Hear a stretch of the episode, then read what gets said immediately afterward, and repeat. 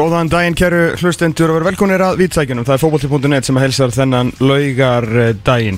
Laugardagur er 9. september og eins og þið heyrið þá er þátturinn að fara aðeins setna gangaldur en vanlega. Það er út á tæknilegum örðuleikum sem að kemur til vegna þess að Elvarger Magnússon er ekki í húsi og það er vitið hvað gerist þegar mér. Tómastur Þorðarssoni er þrist fyrir tækjunum. Uh, Fyrstum aðra bekk að vanda, uh, fullkomnar þrýegið Benedikt Bóas Henriksson mættur með mér, og komið í sælblöðsum. Þetta er uh, Þetta, var, þetta, var erfið fæðing. Þetta var erfið fæðing. Við þökkum uh, Braga Guðmundssoni kærlega fyrir uh, aðstóðina Já, það verður samt að segja eins og er að þetta fyktir í hér í tökkunum á, Já, er að gera með brjálaðan. Það er þannig. Það er bara Já, þannig sko. Herru, fallegu, dagur. Þetta er svona, menn eru reykar en á sig hverjum ástæðum. Við lendi frá Kaupanöf klukkan 8 í morgun til þess að var að drífa mig heim í degi fyrr til þess að fara í brúðköp í dag Þú bara reyndar á heilum ástæðum? Já, ég er bara, bara datt í það. Já, Það var ekki flóknari. Þetta er ekkert annað að gera og fyrstu dagur í gær Já, já, það var, það var alveg príma flöskudagur og, hérna, og mikið stuð og mikið stemming Þannig að, hérna, uh, já, ég hef verið betri. Já. En, uh, En samt þegar sólinn svona skertar sínu, hvað sé ekki fegurstæðin, hún er nokkuð fögur, vorum að fylgjast þér að við höldum undir 21. árs landsliðinu uh, spókaðsum á gerfikasti þróttara þeir eru að fara að spila við tjekkana á þreyðudaginn í vikinni, mm eru að undirbúa sig fyrir undarkeppni EM, unnu finna sigur og finnum, þannig að það er reyndar ekkert að fara neitt mikið í undir 21. árs landsliði. en getum við ekki bara gert það? Er það ekki bara betra? Já, þetta fer svona smám saman að breytast í hérna 2010 eða eitthvað, svona með þetta að halda áfram svona, því að þetta er aðalumræðarni dagsins uh, íslenska landslið í fótbolta aðlandslið kalla tapaði fyrir Luxemburg 3-1 þar sem að þeir uh, já, bara þú veist, til þess að svona, já, gáttu bara ekki raskat í bala. Mm. mistum hann út af uh, lendur 2-0 undir, Hákon uh, dró okkur hérna aðeins inn í leikinu það eh, endist nú ekki lengi. Ætlum að krefja þennan leik hér svona eins og við getum. Þá var séu þetta búið að því að svona að einhverju leiti og uh, ætlum sömulegis að kíkja aðeins á bestu deildina 22 umferðir búnar, við erum svona með uh, svona kannski einhver velun og ætlum að aðeins að fara yfir þetta að horfa til úslita keppninar og hér eftir smá á að mæta gestur uh, þáttarinn sem er nýjasti starfsmæður Exins, uh, frey hérna eins og þeir segja, í gamla þetta Hérna, það er ný starfsmæður hann Brynjar Ingarsson sem fór hér af stað með útvarstátt í gær með útvarp og hlaðvarp. Já. Þannig að hérna, það er mjög gaman spjaldið? Já, gulaspildið og það er mjög gaman að fá aftur svona uppbytunaratrið fyrir flagskipið. Já, og lögðum ónáttúrulega hérna með Hjört Hjartarsson náttúrulega í mörg ár sem að tók sko fimm dag alltaf við hittað upp. Já, áður en að bara mánda til fyrstu dag sem okkur þótti rosalega virðingavert bæði á honum og, og ykkur Já, eðlilega, Já. langlífasti þátturinn, það segir sér sjálf sko. Þannig að já, ætlum að, að fara yfir Þannig nú eru þið komið Albert svona aðeins til að keira dagskorana upp á förstum og svo komið þið hérna Flag, ja, algjörlega. Og hérna, Albert Emmett uh, sjálfur var svona eitthvað að fagna á þessum, þessum tímamótum í, í, í sínu lífi og það er svona mikla ráðgjör hann get ekki staðið upp á sófanum. Hann að við sjáum, sjáum hvernig, hvernig það allt saman uh, fer. Allum líka aðeins að hóra til uh, ennska boltans, allum verður þetta neikvar í umferðinu umfyllunum ennska boltan þessu sinni þar sem að uh, Berendi Bóas er búin að taka saman svona nokkuð lista yfir uh, svolítið dýra fótballtakalla sem hafa ekki getað neitt sérstaklega mikið. En þetta er alveg svona átakanlega mikið með ef við svona gerfinhatta öld í bransanum. Já, og, og skáting eh, maður, maður heldur alltaf að hérna stóru liðin uh, séu sko búin að sko senda menn á völlin og æfingar og tala við þennan og tala við hinn til að kaupa rétta mannin fyrir 100 miljónir punta eða eitthvað og þannig að það sé ekki verið að kaupa köttin í seknum en það virðist vera að það sé alls ekki þessi, eh, já það virðist bara alls ekki vera og mm, bara þegar ég laðist aðeins yfir þetta og, að, að, sko upphafið er náttúrulega það að J. John Sancho er vantilega búin að spila sin síðasta leik fyrir getur hann kostaði 75 miljónir punta að með minnir mm. hvað verður um Antoni uh, engin veit. Það, ko- hann kostaði einhverja 90 þannig að Manchester United er með 165 miljónir punta í ónýtt, ónýtum ón, hvað sem er, ónýttum ónýtjungum ónýtjungum, kantmun Þannig að hérna, þetta er nú bara svona eins og að djöfa fyrir gamla dag, þá, þá hliðum maður í feature. Og hérna, já, og við, við svona, ja, kostuðum nokkur nöfnum hann á blað og, og úr var þessi dásanlega listi, sko Já, svona blæður spurning skilur hvað, þú veist, hverjum er um að kenna ekki að hænunni, þú veist, er þetta leikmenni sem að síðan höndliki hérna, það sem að bara pressuna og álæðið að koma í svona veist, stóra deild í, í stærri lið eða var þetta bara illa skjáta það var eitthvað sem mm. enginn gæti ekki lesið sko, það er svona ymsar breytur sem að maður fæ kannski ekki alltaf að vita öll Mhm. sögurum við fyrir að kannski menn skrifa ykkur ræfarsögur í, í lokin sko, því að flestir náttúrulega hafa veist, eins og, Paul Pogba. Ég meina verðmiðin á honum á sínum tíma var algjörlega réttlætanlegur með að við já, aldur og fyrir störf því að hann var kiftur þarna bara eftir að hafa uh, sko dreigið Juventus haltur í ústættileik mestaradeildarinnar Mhm. sem, sem ungur maður. Þannig að, þú veist, að vissu allir að hann var stórkvæslega leikmaður en síðan, og átti náttúrulega sína spretti. Ég er ekki að segja að hann hefði verið eitthvað svona flopp, með við það sem allir vildu en hann yrði, kannski ekki allir það segja United menn, en aftur á móti svona, um, hann þess að fara ódjúft í þessu umræði sem við ætlum að taka eftir að hérna, hann var kannski meira bara svona meðsli og stundum svona Já, smá áhóðleis en þegar hann var góður var hann actually góður. Já, já, hann var það sko. Hann náði kannski bara ekkit alveg stöðuleikanum í það En, en við, við, við ákvaðum að Var þetta ekki síðustu fjögur árin sem við tókum? Ég Jú, minna það allan- frá allan- COVID allan eitthvað Ég man ekki alveg. stutt, Þetta var svona nýtt sko. Þetta var ekki Við erum ekki að taka hérna Torres til Chelsea uh, Þú veist, Bebe Þú veist, Nei, við, við, 97 við þú veist- þurfum ekkert að horfa svona langt Nei, við þurfum sko. bara að fara það aftur til COVID sko. Það er maður held að einhvern veginn allir allir yrðu hérna uh, eitthvað ég, bara ég held í alvörunni þegar að vera að eyða bara einhverjum tugum miljarda í leikmenn að hérna, það, þeir væru skátaðir sko. Já, algjörlega, ég held að þú veist, ég held að við erum komin lengra í rauninni, já, ég held það sko.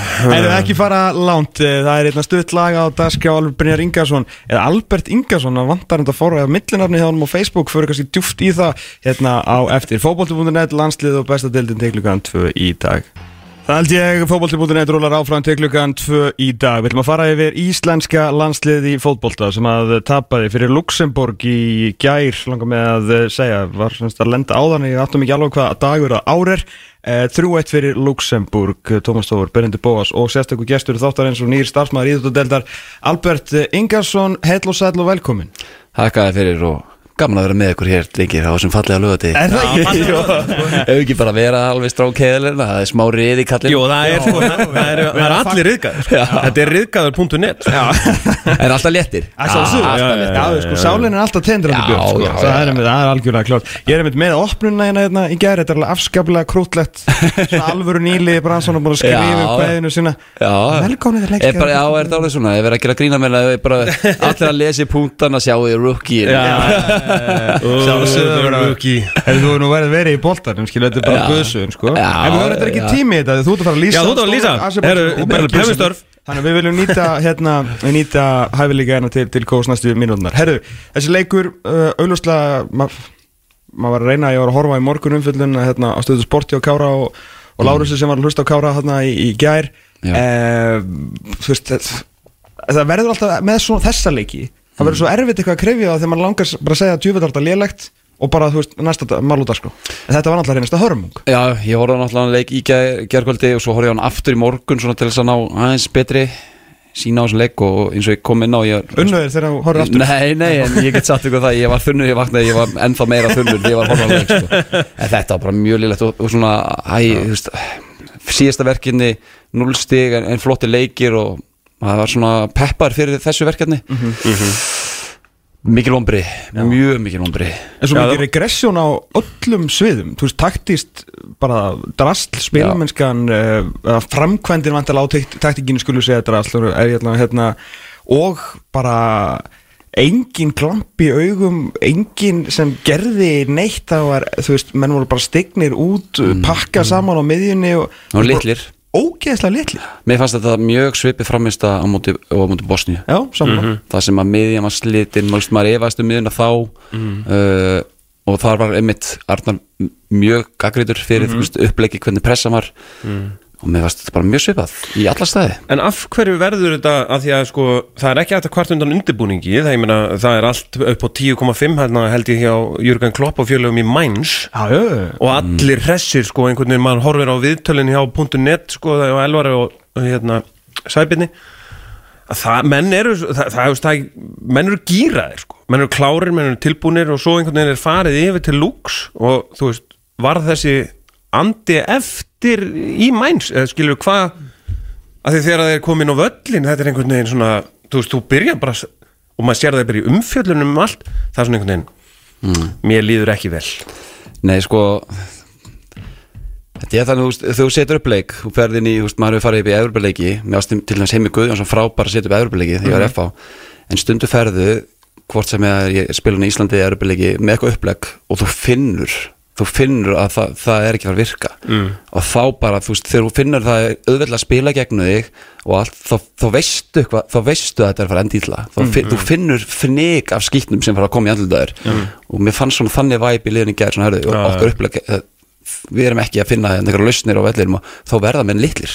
Eh, Við verðum líka að vera alveg ævintýrlega brótættir því að Kári var svona útskýrað frá þannig sjónvarpinu gerði þetta fyrsta mark. Að fyrir utan náttúrulega bara einstaklingsmistökin sem á endanum verða því að þetta er á endanum bara heiðalegur bolti bara eftir þjóðvi eitt. Já, já, en í raun og veru gerði Luxemburg ekkert ekki rétt með greiningu Kára því að þú veist, þegar Valgir stígur upp í hérna eitthvað tomt svæði mm Mhm. miðverðinni veit ekki hvort að þeir eru að koma eða fara og í raun og veru veist, áttan að taka battaspil á miðin og flengjan með úr hæri þar sem var ekki lifandi maður að dekka já. hæri kantmann það var alltaf að renna hann opinn sko á allt opið en samt bara svona henda hans yfir og þú veist, mistök geta gerst og svo sem ekki þú fyrstu á herðbyrgunni en eftir það, menn voru ansi fljótir bara að slokka á sig sko. Já, þetta, þetta var, markið kemur snemma eins og ég segi, veist, ofan af það einmitt, þú veist, að finna að þú ert uppleikir ekki virka og fá markið andlitið það er bara mjög snemma, þá koðnaru en þetta mark er algjörð grín sko. Ja, bara, þú ert langur bolti og lefa, lefa þessu bolt að skoppa Sko- já, og- það er bara alveg gali sko. Þú ert nú búin að þjálfa lengi börn og úrlinga og, og alls konar að sjá svona bolta skoppa var það ekki hérna, þjálfara taugin í þér? Var, Jú, jú. var hún ekki svolítið svona Ert, þú veist, come on? Já, þetta er svona eitthvað sem nú, sko, í meistarafrúbólta átt aldrei að þurfa að kallina völlin, sko, ekki láta boltan skoppa, þetta er ekki setning sem á heima í meistarafrúbólta, sko, það er Helgi Sig var ofta að vinna með setningu sem ég fannst ekki heldur að heima í meistarafrúbólta þegar var að þjálfa með vilki, sko, hallar sér við boltan, þetta er ennþá að verða, sko, sem er þetta góðu punkt. Já, það er já. kannski ekki fyrir þrítu að kallmenn nei, nei, Já, já Áski Börgur að blast honum hann upp í raunbæs, Halla sér upp. Boltan Líka mjög hátt sko. Já. að, hérna, en, En sko, f- fyrsta marki, ef við, ef við klárum hérna, bara fyrsta marki, ef við tökum það, þú veist, ég meina hérna, uh, sko, það, það er margt sem er lélegt í, í þessum undirbúningi, en þetta er ekki víti. ha, mér finnst það viti, Finnst þér þetta þetta 100%. Ef, Onana fekk ekki víti á sig á móti úlfónum, já, þú, þú getur ekki notað það sem dæmi Ég lengur. get það ekki lengur. Nei, þú veist, það er bara ekki að það var alltaf viti Það var meira viti, Já. þetta var líka viti Þetta var líka viti. þetta var klauvalegt hjá þeim báðum sko. ég var bara einhvern veginn svona, þú veist, dómarinn er onni þessu og hann dæmir þetta ekki. Nei, nei Af hverju er þá eitthvað, þú veist, Siggi, ég vildi ekki kíkja aðeins í vara þetta, ég held þetta hafi verið víti. sko. Er þetta möguleiki á að gefa viti? Já, réttlega penningana og eitthvað svona Já, sko. já. þetta var soft en það var viti þetta var. Já, mér finnst það Mér En, finnst en það alls sást ekki. þú þegar þú horfir á leikin sérstaklega aftur þú veist, hvað er ætluð að gera eða var bara, þú veist var heil brú í einhverju sem íslenska leiði var að reyna að gera Mér fannst mjög erfitt að sjá upplegið Já. Þú veist, Mér fannst hérna mútið Slovaki og Portugal þá fannst mér pressan góð við veist, og þeirra svona mikið. Þú veist, hún, þegar hún kveikt á sér við fengum fullt að færum í, í, í því verkefni. Ég sá ekki saman eins og auðvitað vantaði marga í, í, í, í, í liðinu en mér fannst sérstaklega sko, hérna, Gulli og Hörðubjörgun mm.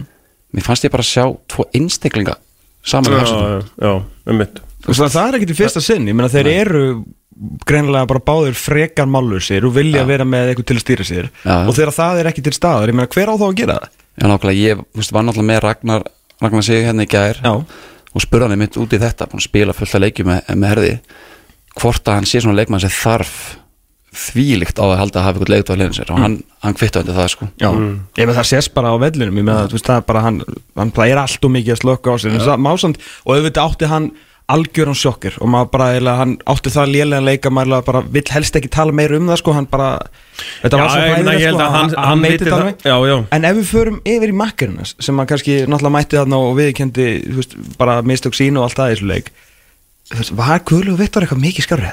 Nei, nei, eins og segi, þetta voru bara tveir einstaklingar hafsundum og ég, ég vil alltaf sjá ég, veist, ég skilða sverrir e, e, meittur og alltaf við erum í smá hafsenda vesinni. Það er bara þannig og hérna er lítið að koma upp finnst mér að einhverjum mm og sverrir er alltaf það er alltaf, veist ég alltaf sjá hann er að draga sig úr, hann er alltaf eitthvað smá tilningarskittur að hjá hann Já, hann er ekki með tvo leiki á þreymur árum eða eitthvað? Já, það er, það er mjög lítið veist, maður haldið að myndi sko hann, hann greið kallin bara að þurfa að býða eftir sölu og, og, og, og nei, kára og ragga þetta hann út, svo, hann báði, svo er hann alltaf meittu kallin en ég vil bara hafa Guðla Viktor á miðinni sko. Sammála. Þú veist, okkur vantar hann einhvern mann með sverri hann að Guðla getur notað þetta fysik á miðinni En þeir voru, þú veist, en hvað er málið með það? Ég meina, hérna, þá er ég að meina sem sagt, þessa meðvarakrísu að maður fór að horfa hvað Hjörtur Hermanns er að fara að detta hann inn og, og hérna, svo var uh, mikil uppsöfla núna á Akureyri hérna, skilur enginn okkur byrjar yngi er ekki lengur í liðinu, þú veist, það er ekkert sérstaklega flókið, ég meina, upprisa hans var bara aðeins og hröð og svo bara gata hann ekkert með landsliðinu og félagslega fyrirlin fóru klósti líka, nú er hann að byggja sig aftur upp, hann vonandi kemur hann sterkur tilbaka, ég meina, hafa verið að kalla hann inn fyrir þennan leik, en það er ástæða fyrir hann ekki búin að vera í liðinu, sko, ekki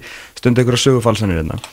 Maður finnir í U21, Jakob Frans, Káer, Hlinur Freyr Valur og ég svona sá ekki hann leikir giska Óli Guðmund sagði þá verið þriðið þarna í startinu U21 ég meina, sérstaklega Jakob og Hlinur sínt fullt fína takta en þeir eru Já. samt bara þetta eru bestu dildarspilir þetta sko Já, já, þeir, eru- þeir eru svolítið langt, langt frá þessu leveli. skulum bara vera alveg heðilega með það og ekki það því sko Nei, nei, nei, nei. og hérna Robert Óri Þorkels er hérna líka í, þú veist, en þetta er bara svo það verðist vera svo ótrúlega langt í næsta miðvörð sem getur alla, þú veist, sínt ykkur ábyrðan Já, svo, erum við, sko og þeir sem er, þeir spennandi sem er að koma upp núna þú veist, þetta er Kristján, þetta er Ísak þetta uh, Hákon. Þetta er allt miðjumenn þú veist, mm miðjumenn eða kantar eða getur spilað þú veist, okkur vantar eitthvað meira og okkur vantar þú veist, okkur við með orra sem kemur hann inn núna í, í nýjuna. Þú veist, með þessu líka, þú veist, okkur vantar þetta fysik með fyrst liðu og horfum á liði sem koma okkur á þessu stórmót, miklu meiri fysik og grimdi heldur þeir sem er að koma upp núna, sko.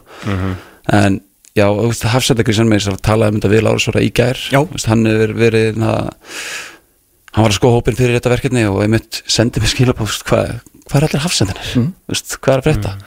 Og þú veist, varum að spila með, Hjört Hermann, af hverju er hann ekki að spila meira? Þú veist, það er mjög lítið að koma hann upp eftir að Raggi og Kári fóru. Bara því miður, að, þú veist, Sverrir er þarna en það er alltaf oft sem við, við getum ekki notað hann. Já, ég meina hann hefur bara Ég getum alltaf alls ekki treyst á hann virðistura, þú veist, hann er alltaf einhvern veginn middur Já, og sérstaklega á, í landsleikja gluka Já, ég, veist, ég held að sem eitthvað 42 eða leikið mann rétt sko, hann sverrir, þrítur þannig að hérna, veist, en, en að stór leiti er náttúrulega út af Kára Ragga sem hann er ekki búin að spila Já, já, en, já, en það er bara algjört mest að hafa hana það er, það er bara 100% ég, veist, sko. ef þú ert ekki með þe- þessa, þú veist, ef hryggjasúlan er ekki að tikka eins og mér fannst hann ekki að tikka þessum enga veginn, mm. miðjum var ekki að tikka uh, framverðin, þú veist, alveg fann sig ekki hafsendinir, tveir einstaklingar þar veist, þá bara það fer, þetta allt í fjandar sko. Já, svo, svo var mikil, hérna, mikil umræði gær um, svona leiðtóa í, í liðinu, bara þú veist, hverjir eru leið, þú veist, hverjir eru að góla menna því að þó að öllum finnst ekkert eitthvað sérstaklega gaman að vera með gólan dási, ég meina við munum eftir náttúrulega stórbrotna atriði hérna í COVID-leiknum mútið Englandi þegar Arnur Ingvi hérna dyrist að svara Kára Átvarsin í beinni útsendingu og fengu að heyra bara hvernig Kári létið þá sko, minnst þetta er ekkert Já, vinst rækjan hann það, sagði það ekki eitthvað. Haldu kæfti og ekki svara mér heldur þessi rækjaðin, Já, gerðu bara sem ég segi. Rækjan. Að hérna, ég meina, ég get Það er rosa samt gott svona Já, þa- þetta er það er svolítið að það stingur beint í herta sko. Já. Ég get ekki er- Skoffin er líka gott sko. Já, skoffin er mjög gott, mjög gott. Ég get ekki ímyndið að nokkur fótboltamanni finnst gaman að heyra svona. Og þú er nú öruglega þínu ferli verið með eitthvað svona gólara. En er þetta ekki þú veist, þetta hlýtur, þetta augljóslega hlýtur að vera mjög mikilvægt? Jú, jú, þetta er það. Veist, Stundum ertu með gólara sem að þú veist, veist, öskráði á réttu mómentum. Stundum ertu með gæja sem bara öskra end, endalust og bara þú veist, eru meira að hugsa um sinnleik sko. Já, já, já. Þú veist, þeir fá ekki boltan þá þau eiginlega tekur minna mark á því. Bara svona, Jésús, hvað er hann þreytur á? Hann Henni þessi rækjuna hann á hægri kantinu Ég var náttúrulega einu svona í, hérna, með einum leikmanni sem að öskraði svo mikið. Hann var alltaf svona, þú veist, farið til hægri, vinstri beigðu þið niður, reyndu skóna. Hann öskraði bara allt, hann sagði bara hvað sem er. Það var ótrúlega, ég gæti ekki takið mark á því sko. En að þú kemur þetta.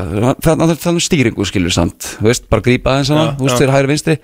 Þú veist, ég, ég sé ekki til dæmis fyrir mér að Kolbett sé mikið að stýra hérna Jóndiði Þú veist, ég sé það ekki, þú veist. Nei. Grungu gæði, þú veist, þú veist Það er ekki komin einn kemistri, hann á hann að vinstra megin. Já, Þetta skiptir bara gríðarlega miklu máli má ekki- Fyrir kantarinn að loka og ekki svæðum sko. lundal hinum megin. Nei, nákvæmlega, þú veist, þannig að þú veist, auðvitað þessi breyting á vörðin, þú veist, þú skoða bara varnalína, þú veist, með þú er með og með Hörð Gulla sem ég ætla að hafa með henni og Valgir þú veist, það er ekkert komið neitt alvöru kemistri eða reynsla eða neitt á milli þessara fjara manna mm vörðinni og stýring í öllu þessu. Það skiptir svakalega miklu máli. Ekki bara Gulli og Hörður sér að tala saman heldur líka þeir sér að tala við Jóa og, og Arnón fyrir fram að sig mm -hmm. þessu loka veist, þegar Raggi kom heim en aftur frá atvinnum sko, Raggi sig það, veist, þetta er það sem gerða mest brjálan þegar hann var aðeingum vilki.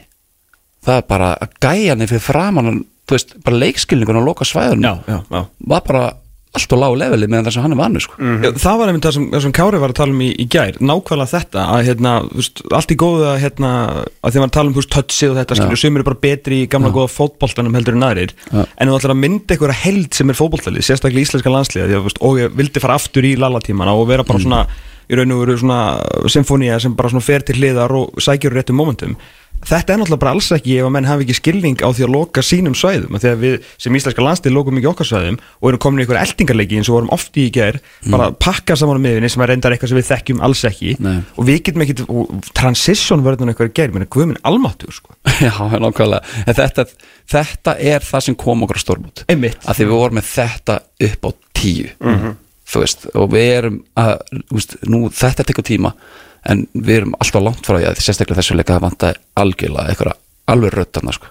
er ekki hérna sko ég, alltaf, þú veist, nú er akkura tími til að vera eins leiðilegur og hægt er ég, sko, ég skildi ekki fyrir mitt litla líf þrátt fyrir hennar riðil mm.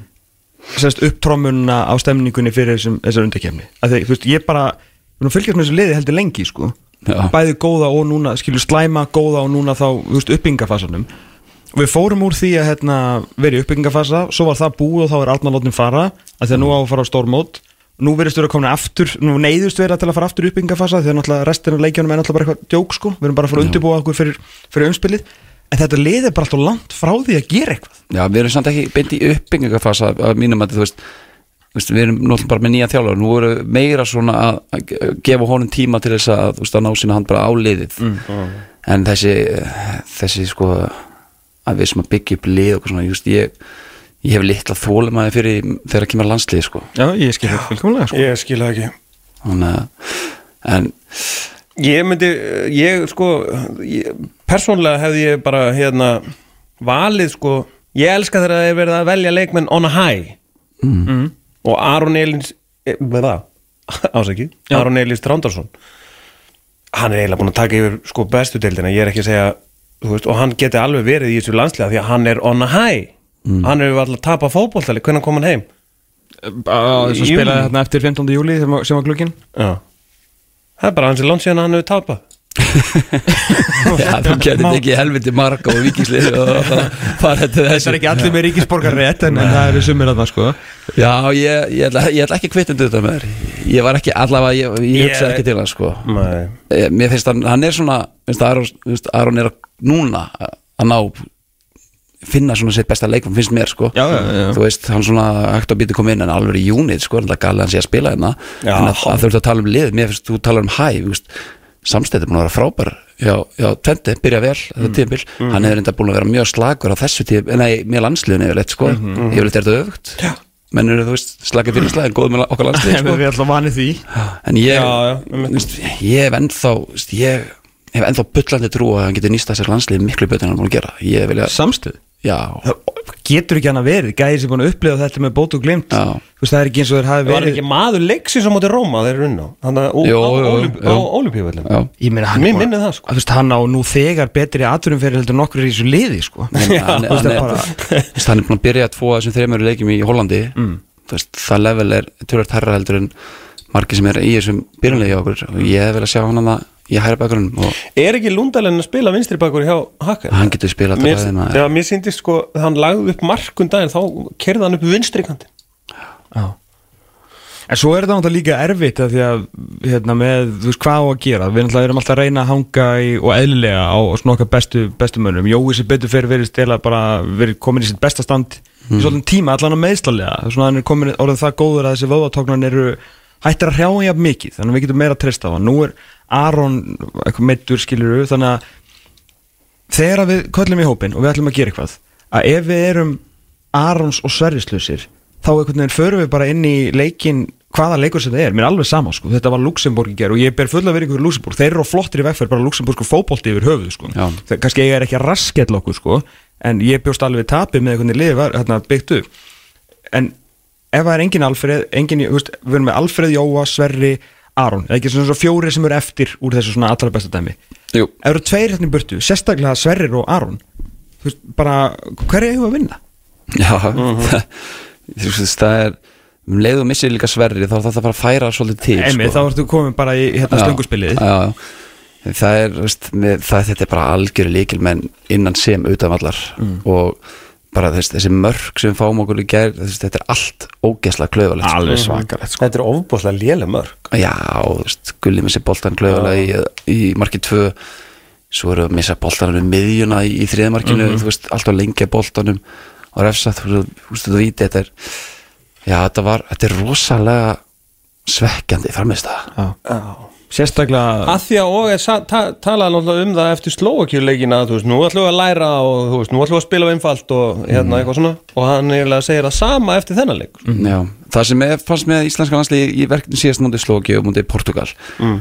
þá vorum við viljum hann veist, við erum ekkert með mesta fysik lið eins og við komum inn á áðan, þú veist, með Jóa og Arnór miðinni, en þú veist, við vorum með viljum sem var ofta að koma inn á miðsveið þegar hann var að spila líka á kantinu, þú veist, það kom oft inn á miðsveið og þessi fysik og þessi skrokkur og við gáttum leist svo margt með honum bara sett boltan í loftið og hann var annarkort að taka hann kassan eða vinna bara í loftinu.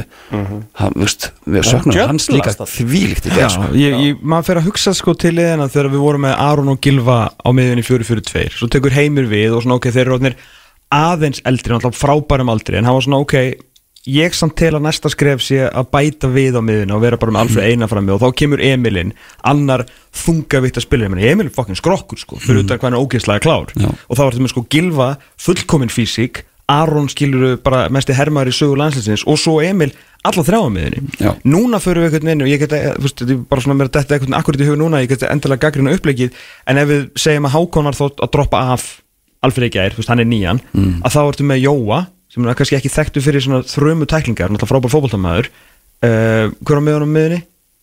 Arnur Ingvi Arnór Ingvi. Já. þú veist, búin að stórkostluður í Svíðu ég meina besti leikmann í Svíðu svo far, er samt svona frekar léttleikandi og Hákon sem er alltaf bara eða þá bara bad, skil já, já. þú veist, hvar voru kílóin? En Fótbolt í dag eru bara kíló og, og, og sentimetra já, svo líka er landsliðsbolti svo, svo miklu lokaðari og taktiskari, ég, ég lustaði nú á, á Dóttarfútbóli ger mm. það sem að kjartan allir minn maður var í eimsóknu hjá Hjörvari og hann einmitt vakt aðdegla að, að targetsenderar nýtast til landsliðinu. Mér finnst það góð punktur í honum. Og það er einmitt út af því að þú veist lið eru yfirvildi varkarari þú veist þannig að þeir liggja neðar landslið þar að segja skilur, mm landsliðsbolti. Já, já. og þá er það draumur fyrir targetstrækara þú veist að vera í eftirstu línu og nota hæðina sína og, og, þú veist, og ég horfði á hópin jú, veist, mér, ég sakna að sjá eitt bara eitt stóran sterkan sendir til þess að koma inn þú veist, ég, ég vil fá að sjá meira af Hol- Holberti í landsliðinu Já. þú veist, Já. bara taka einn sem er næst í Holstein metra Kiel? já, nákvæmlega bara, Það eru 23 leikmenn valdir Hann hlýtur að geta verið einn af 23 Til þess að minnstakosti skilur Talum ekki um vorum vorum manni færri eða whatever skilur Að mm. einmitt að nýta þessa sentimetra og aðeins að fara loftónum fram líka bara til að gefa mönnum þá tilbaka smá pásu. Já, nákvæmlega. Menn þetta var náttúrulega bara leiðin okkur á sínum tíma var að, þú veist, eða var, eða svo sem við vorum ekkert eitthvað playing from the back. Nei, en það var svolítið bara svona ákolla og hann vann öll skallægin við Já, já, áljóðinni og svo, svo hljóp sko Jónda eins og Það- titlingur og Já. opnaði svæði fyrir hérna sko Einmitt. það er svona og okkur vantar innmitt fysik og þú veist, Alfreð er, ógeðslega klókur og góðuleik maður hann er ekkert mesta fysik í honum Nei, hérna nei, hann er bara stórkostlegu hann er bara á einhverjum topp 5 listu bestu svona fótboltamennina. Sko. og um leiðu við fáum líka fysikina og eitthvað svona gæja eins og til þess Jóndaði var Já, þá opnast veist, svæði fyrir Alfred til að nota sín klókindi þú veist, að meðan hann er svolítið einnana þá er svolítið, það er svolítið auðvelt að eiga við hann stundum sko. Já, já. já eins og með Jóa Berg á miðunni hérna, við vorum að tala um ekki að Lára Sorri var að mynda að benda á að gera, þú veit með hann inn á miðunni mm. látt hann fá fokkin boltan sko. Já, en síðan ef hann fær boltan og það er engin skilur destroyer með honum til að þú veist búa til eitthvað pláss og hafa smá svona intimidation og vinna boltan af öðrum og vera svolítið að verja fótboltamannin alveg svo Aron var svolítið að og Emil síðan setna að verja allt fyrir Gilva þannig að Gilvi fekk að njóta sín. Ekki það að hann hljóp 12 km leik og taklaði líka. En þú veist þegar Jói var bara að minna hann alltaf, þú veist, er ekki Jói sem er Jói tekin hann í þriðamarkinu Jú, hann það snýr inn í mann og fara á blindu hliðina og jú, mér minna þess að hann sem er aðeins og lengið með boltan að Já. Já og reynir sér einhvað að tegja sig í boltan og veist, það kemur upplöp hann Einmitt.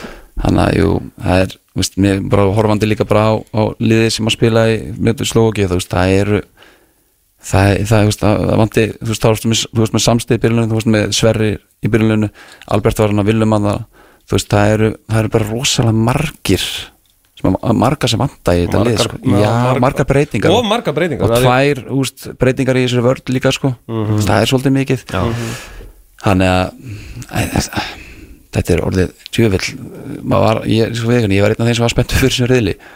Ég var peppaður sko. En, en þetta er búið sko. Nú er bara vonandi að hérna, þjóðtöldin koma okkur á stórmótið. Uh, Bara rétt í lókina þegar þurfum að fara að sleppa þér út og fara að lýsa. Bara hva- mínútur í þannig. Asibasjan Belgium Hvað Þú betur verið þú bara að færa í næsta hús við hérna uh, hva- Hvað er vilt sjá í næsta leik? hvað vil ég sá? Já Ég ert að tala um bara eitthvað breytingar á, á, á, liðinu eða eitthvað En þú svoleiðis? eru bara að horfa til umspilsins. Þú ert bara einhver, eða myndi ég halda á þess að leggja þér orðið í mun Þú lítur bara að fara að búa til einhverja mínútur fyrir menn sem þú vilt sjá í þjóðaldurinn Ég vil sjá, ég vil sjá samsteg komast inn í liðið eftir Já. Mér finnst hann, þú veist, við hljótum að geta fengið meira frá honum uh, og svo þetta kemur vilja minn, ég vil bara, þú veist, að, ég vil fara að svipa upplegg og gera mútið slóki betri pressu eins og, þú veist, við sáum þar. Þú veist, Mm. verður byggðum ákvæður miklu hraðari sækja í svæði miklu beinskittari og ég vil bara sjá fokkin sigur Já. skilur við Þú ert svo fucking sigur. Ég vil sjá fokkin sigur. Þetta er ekki flóki Já, þetta er Nei, ég er bara miklu meira ákjæð Ég var ógeðslega hrifin af því ég móti Portugal og Slóki Bara hvað við, við vorum grimmir um leiðu Við unnum boltana við miðurbáðan Einmitt. Þá sóttu við strax í svæðin. Mm. Þú veist, það, ég vil sjá svipað og við gerum það. Nálgast það verkefni hérna Þú veist, það var eitthvað stemning í liðinu. Kannski bara þegar þú voru fyrstu leikið með Oge Og svona lið, fólki var svolítið spennt og það var liðið með því. Algjörlega. Bara kveika því aftur, það þarf að vera ef við ætlum að vinna ykkur leiki, þá þarf það liðið alltaf að vera gýrað, við erum bara ekki betra lið en það, Nei, nei. Bara því er bara þannig. Þannig að við þurfum að vera Já, Algjörlega. Herru, Ára nú Leifur, segðu fólkinu í landinu Hvað hérna frá nýju vinninni Já, guðlarspjaldi Já. já Hvað með nafni? Hvað er svona auðvelt að, veist, ég er náttúrulega börgur með mér í þessu líka og, og veist, Hann fekk nokkuð. Hann fekk nokkuð gul og veist, ég geti ímyndið mér ég væri að gefa nokkuð gul í þættunum skilur við fyrir einhverja steipu sem hann var að segja. Ok. uh, þetta er bara líka svona auðvelt þú veist, að, að gefa leikmunum guldspjald þú veist, eitthvað er að vera að skýta á sig sko. Það er að vinna með þetta. Algjörlega. En Ok. þetta er, þetta er þrjusar viku og kemur út að, þú veist, í hlaðvarsum við veljum hlaðvarsum á, á mánudöfum og miðgutum og svo er þetta alltaf í beinni hérna á exinu Og það er að halda dögunum. Mánu með förs Eins og getur. Já, sko geti verið frekar að komi fyrr skilur á sundarskvöldum heldur en Já, ég skilji, ég skilji Já, en þú veist, síðastalega mánuðum er svona, þú veist, fyrir helgina eins og við þekkjum í öllum, öllum, í þessum öllum heimi þessu hlaðvarsheim. Já. Þannig að hvar svo þú sækir pókastuðin á mánudum meðgundum en svo Radio Live sem vantalega breytir síðan í pókast líka. Já, svo kemur það á alla hlaðveitur og hérna það sem að, veist, ég vil þar ég vil reyna að búa til smá tólspatæmi, sko. Ég vil alveg fá fólk til þess að hengin og bara ertu að djóka alveg, sko, hættu með þetta Kai Havertz stæmi, sko. Já, Ég, Elvar nefnilega Elvar nefnilega svona slökti svolítið á því hér sko. Það vorum að mikið að já. Fólk vill nefnilega ringin Já, sko. já, ég vil fá, ég vil fá fólk sem að þú veist, ég veit alveg þegar maður er búin að vera doktorfútból og fólk er oft búin að hrista hausinu bara hvað, djúvis þægilega er þetta? Þannig getur bara ringt í mig og sagt mér það. Já, algjörlega, þú getur líka verið með svona dagskáliði svona prove me wrong og Já, bara konta rífast og eitthvað sko. En fyrst er ég að læra þetta gameskip sko, ég var alveg þessu röggli ekki sko. Já, ég held að það geti tekið smá tíma. Ég kann ekki á það sko, vanlega að sitja sem benner og bara, þú veist, tala í svona 1 klukkutíma og 40 myndur og reyna að pera sem flesta sko. Þetta er búið að vera flott ég kom hérna. Það takk gæla fyrir að svona, húsfluga hérna með okkur þá kannski fá að stela þér eitthvað Já, Eitt lögudaginn í já, viðbútt já, já. Ha, er það ekki? En í leim Herru, þú lættir svo rennaði vinnur Já, Eða læknar Læknaði Herru, við höldum Herru, er ekki kaffi? Já, fáum okkur kaffi fyrir sem tala um bestu deildina og svo enska boltina en Áfram höldum við á fótbolti.net þennan laugar daginn og við ætlum rétt árnum fyrir bestu deildina að halda rétt aðeins áfram með íslenska landsliði til að fá uh, svona, fá þetta beint í æð frá mannunum sem að varða þarna. Sjálfur, rétt stjórin maðurinn sem hefur komið til fleiri landa og fleiri borga heldur en þú getur uh, talið upp, það er að sjálfsögðu uh, ferðalangurinn, þúsund tjala smiðurinn og uh, fótbolta uh, sinið Elvar Geir Magnússon, hell og sæl Já, heilir og sælir, gaman að heyri ykkur, hvernig er mikið í, í Reykjavík? Herru, hún er bara ágætt Það er viðrar uh, vel til loftárosa uh, Ok. U21 er að æfa hérna fyrir aftan okkur á þróttaravellinum. Albert Brynjar Mm. Ingarsson var svona já, hann var svona, hann var svona þú þunnur uh, og hérna, en samt hress. Þannig að þetta er bara en mikil tækni vandamál það sem að uh, það er búið að eiginlega eyðileggja borðið hérna, þannig að þú ert að fara í þetta þegar þú kemur heim Við rettum þessu, við rettum þessu Ég segi það Herru, þú hérna þú helst að þú verður að fara í skemmtiferð en endaður í martruð Já, það er eiginlega þannig. Þetta var mikið skemmtun, alveg þar til koma að, eh, já, rúsinunni í pilsuendanum sem var átt að vera þessi fótballtaleikur. þá, þá endaði það sem marstruð og, og svo marstruð hófst mjög snemma í þeim fótballtaleik, það er ótt að segja það. Þetta var, já, það var tungt að vera þarna það tungt að, sko, kollegar okkar frá Luxemburg eiginlega svona hálfpartir bara vorkjönd okkur. Þannig að við hliðina á okkur í, í æ. En ef, ef við bökkum allalegi vikuna því að þið og sjálfsög voru einir hérna allan tíman þú og, og, og Stænki hvernig, svona, hvernig var þegar þú horfður í þeim bara alla vikuna, var, voru þeir alveg þú veist, heldur þeir að þeir var að fara að gera eitthvað að viti eða varst þú búin að lesa einhverja katastrófu á einhverju tímpúndi Nei, nei, það var bara alls ekki að það var hægt að, hægt að lesa einhverja katastrófu, sko. Ég vissulega þegar frétna bárst af því að Sverri Ingi er ekki með, veist, fyrir verkefnið, það var svona, þó smá ótti um hann, því að við erum bara mjög svo fáliðaðir og með, með fáa valkosti varnalega, eins og bara alþjóð veit. Uh, að hitta strákana, þá voru bara rosalega einhvern veginn sem að endur ómuðu það sem að, það sem að og ég horfaði, við varum búin að segja svona í aðdraðandra. Menna ef við ætlum að fara upp úr þessu viðlið, þá bara þurfum við að taka 60 í svo klukka. Mhm. Og það það bara, þessu er bara allt annað er bara vonbriði, við ætlum bara að mæta þarna og við ætlum að, ætlum að vinna þennan leik. En einhvern veginn fjart þetta eins og, bara eins og spilaborg og þetta var ótrúlega tungt og erfitt, sko. Þarna, mín tilfinning á vellinum, mjög erfiður fyrriháleikur, en mununum var bara eitt mark Mhm. og mér fannst svona setni hlutan af fyrri hálfleik svona síðustu síðasta korteri, tíu mínútunar það var svona hægur stígand aðeins í þessu Mhm. ég hefði viljað sjá og ég horfaði svona þú veist, eftir á ekki að þau hugsa bara halda sig aðeins við sama lið í byrjun setni hálfleiksins Já, já, já ekki, ekki Ekki skipta svona- munurinn var bara eitt mark á þessu tímabóti ég hefði viljað sjá hann svona bara gefa hann tíu mínútur í setni hálfleik áður en hann fer séðan að breyta sko. Já, já, já. Hvað hérna, uh, ef við tölum aðeins um einhverju gjöf, uh, sko, ég man ekki hvort að einhver landslísmaður hafi fengið einn áður.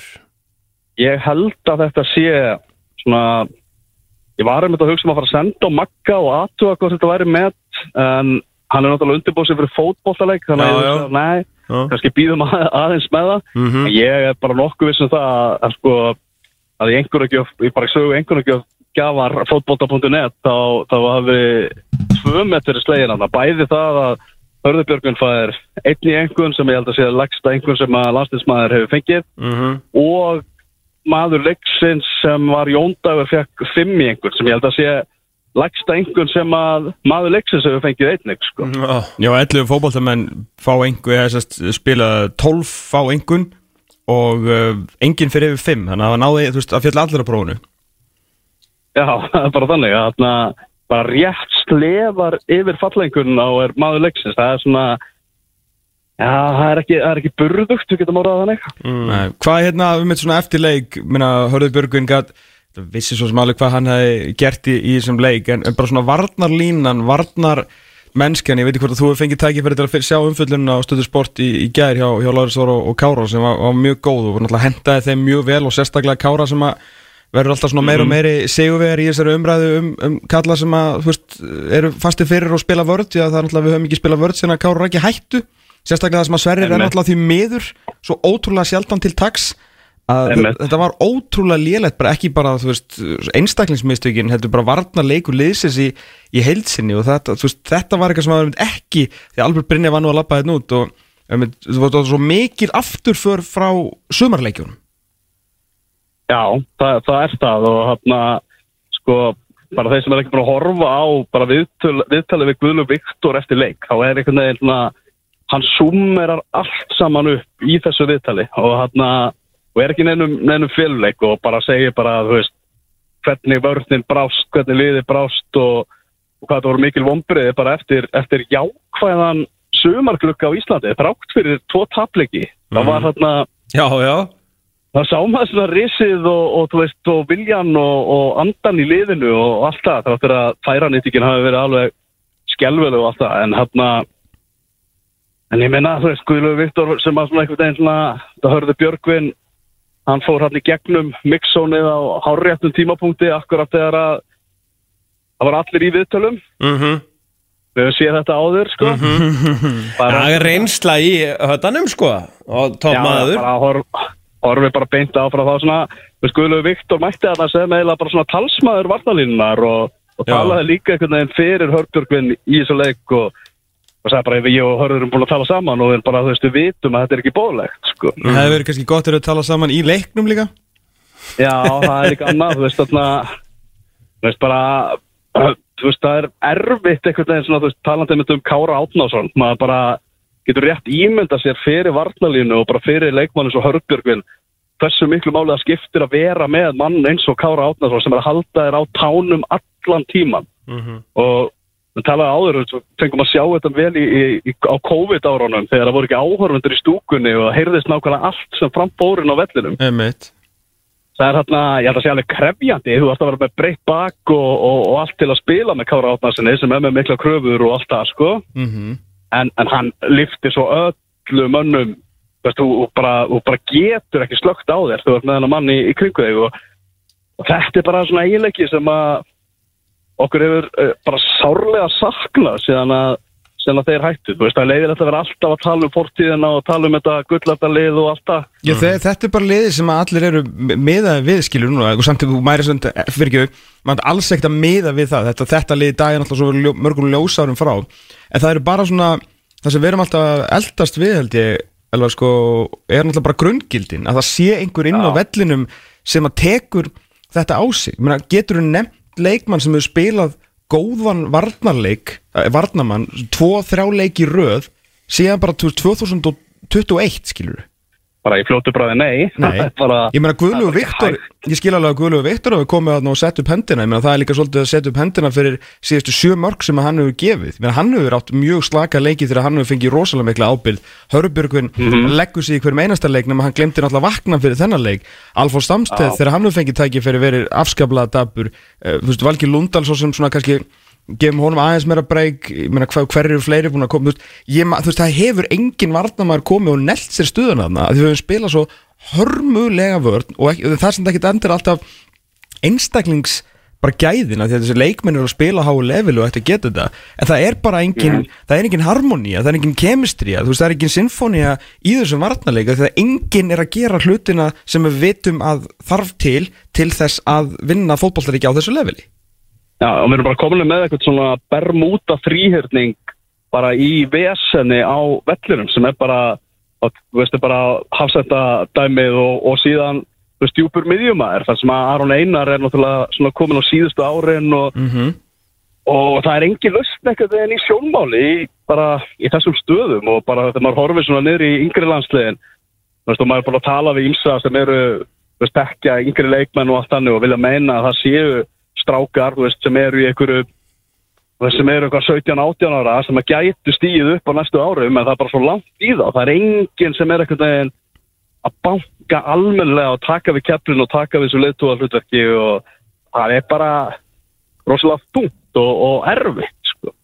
Já, algjörlega. Og eins og ég var að hérna við, ég held að ég var að segja hérna áðan þú veist, Ólaug Guðmundsson, Hlynur Frey Karlsson og, og Jakob Frans er að spila starta þarna sem yfirir í U21 núna síðast og við eigum svona ofan á það líka Róbert Dóra sem er eitthvað aðeins fengið að smakka af liðinu. En hérna nú er Brynjar Ingi að koma aftur inn og mann alltaf vonast til þess að hann einhvern veginn sé búin að hérna rístarta sínumferli eftir þetta ævintýrlega háflug og náttúrulega flög svo nálaðt sólinni að hann bara skað brendist og bara kom bara þvílitt stopp. Ég meina landslýsferillin dó árun að varða veruleika og félagslega ferillin var nánast farin í vaskin árun að hann virðist nú vera vopnum sínum sem betur fer hjá Hamkam núna en þú veist bara næsti miðvörur er bara þú veist, maður sér hann ekki bara þú veist, í sjónmáli Já, nákvæmlega og þú veist, svona, þú veist, maður var aðeins að reyna að fylgjast aðeins með umræðinu, hvað þjóðin var að segja eftir hann að leiki gæði líka og þarna, svona sitt sýnist hverjum og, og það er alltaf þessi endalösa einhvern veginn svona að leita einhverjum einum sökudólki og eitthvað. mm. Það, það er ekkert annað, það er ekkert einhver einn sökudólkur í þessu dæmi að við séum svona bara gefa eftir og hreinlega lélegt að við séum núna að það eru fimm leikir eftir að riðlunum, þá erum við bara ekki í sjans, jú, tölfræðalum sjans en Já, þetta er bara ekki séns. ekki raunhafum sjans, Nei, nei, nei. þetta er bara ekki sjans Þetta er bara ekki bara- Ég meina við förum mér í þennan leik líka Elvar sko með Jóhann Berg Guðmundsson sóknarmann, Arnór Inga Traustarsson sóknarmann veit, ég veit hann er miðmæri í þessu leik en hann er samt mjög sóknarþinkjandi leikmaður og hefur alltaf verið. Og Hákon Arnar Hallsson veit þetta svo stilt upp í 4-4-2 en segjum þetta að verið þú veist 4-4-1-1 svona hann var svona kannski að hlaupa í kringum. Hvar var sexan? Mm -hmm. meina, þú veist, það var að kaupa sexu fyrir 100 miljonum punta hérna bara trekk og við hérna ég veit að Aron er vitt og þetta ætla að fara niður og Albert Brynja var einmitt að tala um að þegar Aron er ekki meittur nei þegar Aron er ekki, sérstaklega að Sverrir bara getur aldrei, já fyrir ekki mjög sjaldan mætt í landsliðsverkefni því miður að þá eru alltaf komnir í, í slönguspili að þú veist fara eitt reitt niður til þess að fylla í ykkur hólur og þá endur við Já. að spila fótboltaleika á útivelli á þess að vera með hérna sexu. Já, sko það er einn svona, þú veist, ég, ég bind ákveðna vonir og svona vonast til þess að Andri Fannar Baldursson muni einhvern veginn ná sínum ferli og al almennilega svona á skrið og hann verður í Komast þér flottu standi núna. Já, já, koma sér aftur inn í þetta alhanslið og Mhm. veist, það sem maður hefur séð á honum, þá er hann emmi hæfileikana til þess að koma inn í þetta, að hann er svona þegar maður er búin að reyna að rýna í þetta, þá er hann svona svo leikmaður sem að svona helst er einhvern veginn að vona að geti komið komið inn og einhvern veginn tekið þetta hlutverk sko, eins og staðan er bara akkurát núna. Menn sem eru veist, bara tilbúnir að fara að koma inn sko. En eru við komnir aftur, sko við fórum í uppbyggingu með Arnari Þólviðarsinni Þú veist, Vanda sagði það, nú var byggja upp lið. Svo var hann orðin þreytt á uppbyggingunni og nú átti að fara að vinna. Hann vann ekki reikin Ága Háraði er ráðinn og KSI eðir peningum umfram það sem var búið að setja á, hérna, á planið sem við höfum farið yfir í að borga upp samningin hans og ráða miklu dýrari þjálfara. En ok, þú veist, ég hef enginn að gaggrina ráðninguna en þetta er samt bara þannig, það er búið að vera það fullt af fjármunum, en þú þarf náttúrulega að eða líka í þetta landsliðið og áttur að komast á stórmóta sem að stóru peningarnir eru, gott og blessað. Já. en hvar stöndum við þá núna, erum við ennþá bara, erum við að fara í aðra kannski ekki uppbyggingu, en nú þurfum við að fara að blóðka einhverja leikmenn fyrir umspilið, af því að náttúrulega þessi reyðill er bara orðin, bara æfingaleiki fyrir okkur. En þú veist, erum við aftur, Já, ég meina, hvað hva verður nú, þú veist, er Óge að fara á, ver, fær hann núna það verkefni að byggja upp fyrir við tilbaki er hann að byggja upp landslið til framtíðara því við getum ekki treyst á að á heldri mennirnir okkar að þeir, þeir bestu mæti í öll verkefna, þeir eru bara meittir, skilur og bara allt í Mhm. góðu, menn þeir eru komnir yfir þrítut, fjandinn hafa það og búin að vera miklir þjónar og þegnar fyrir, fyrir land og þjóð en þú veist, og svo næstum það er svo langt í næstum en að þú veist, hva, hvað ætlum við okkur að gera?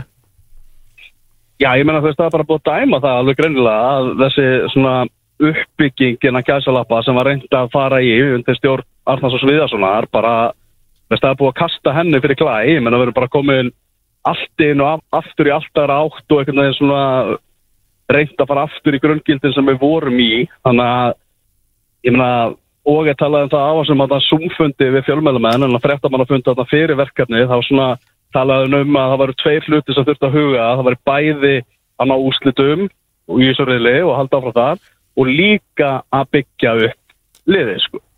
Sem að þú veist, þannig að það er greinilega hann er með eitthvað svona uppbyggingapælingu ennþá í gangi en þessi, þessi byrjun hans náttúrulega bara alls ekki undir vendingum þráttur að þetta hafi verið svona mörguleiti stöngin út fram að því að við áttum segðan þennan hörmulega leik ger Já.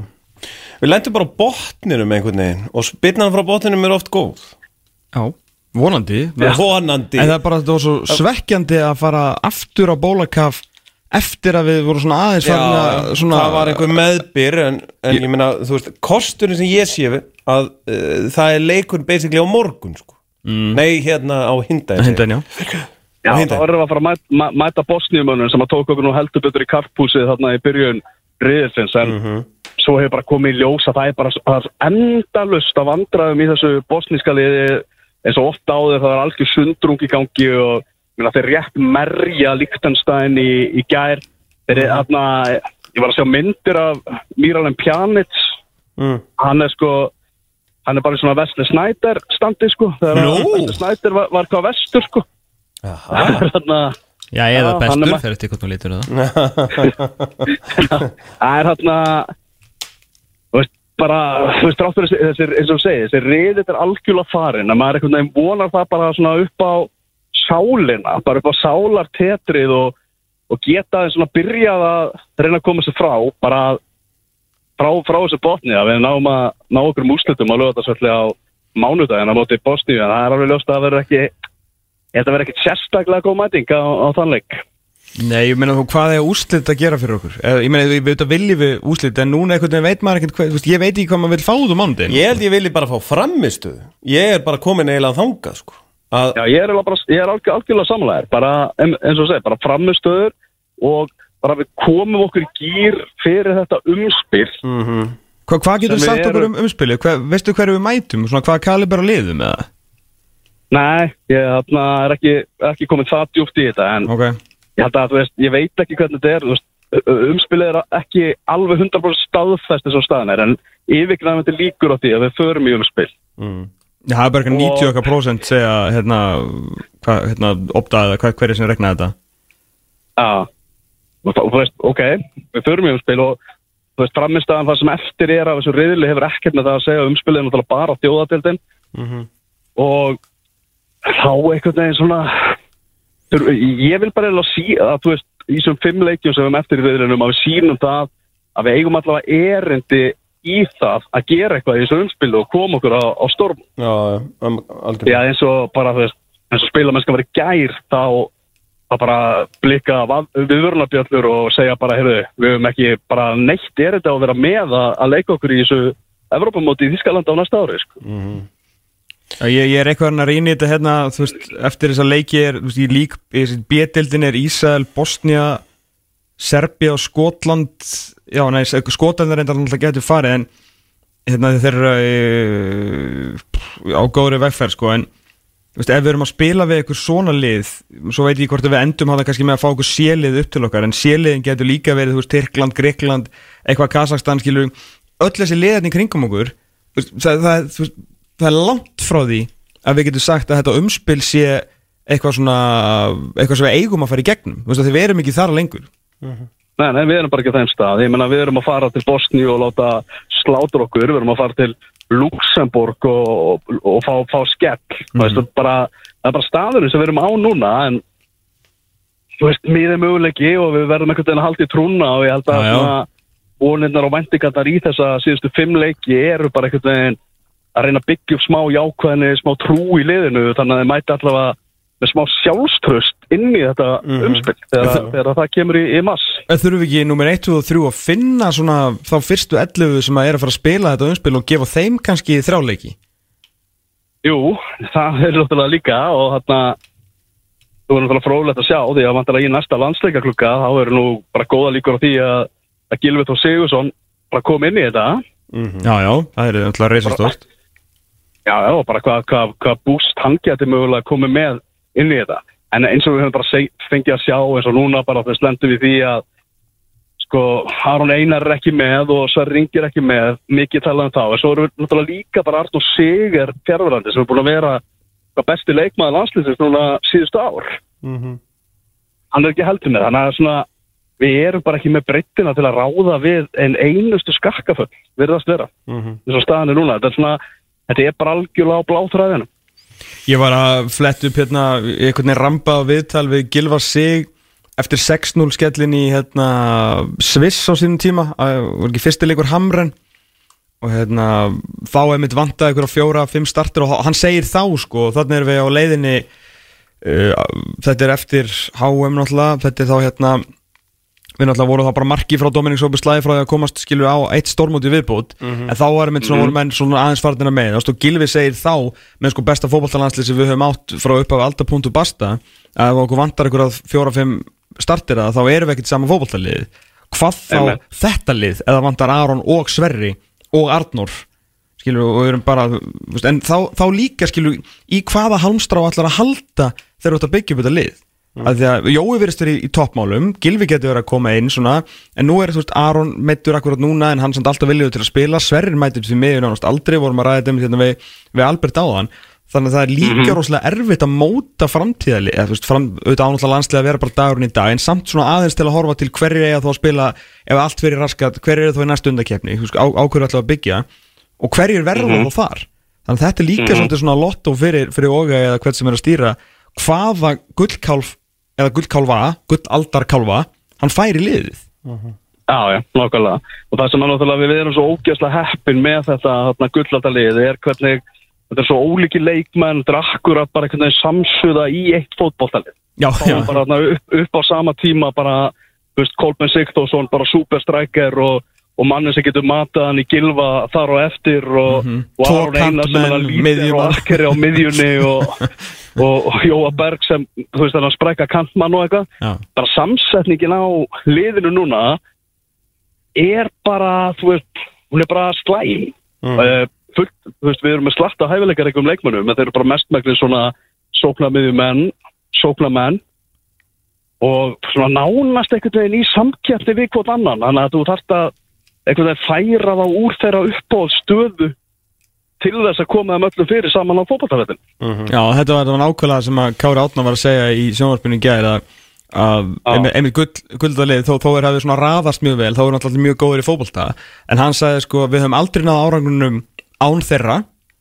Þú veist, þeir, eða, sest, þeir hefðu aldrei við, þetta lið hefði aldrei verið neitt sko hvorki fugglin fiskur án gömlu kallarna aftast og gömlu kallarna aftast hefði aldrei fúst fara á stormút án þessara stráka aðna frammi.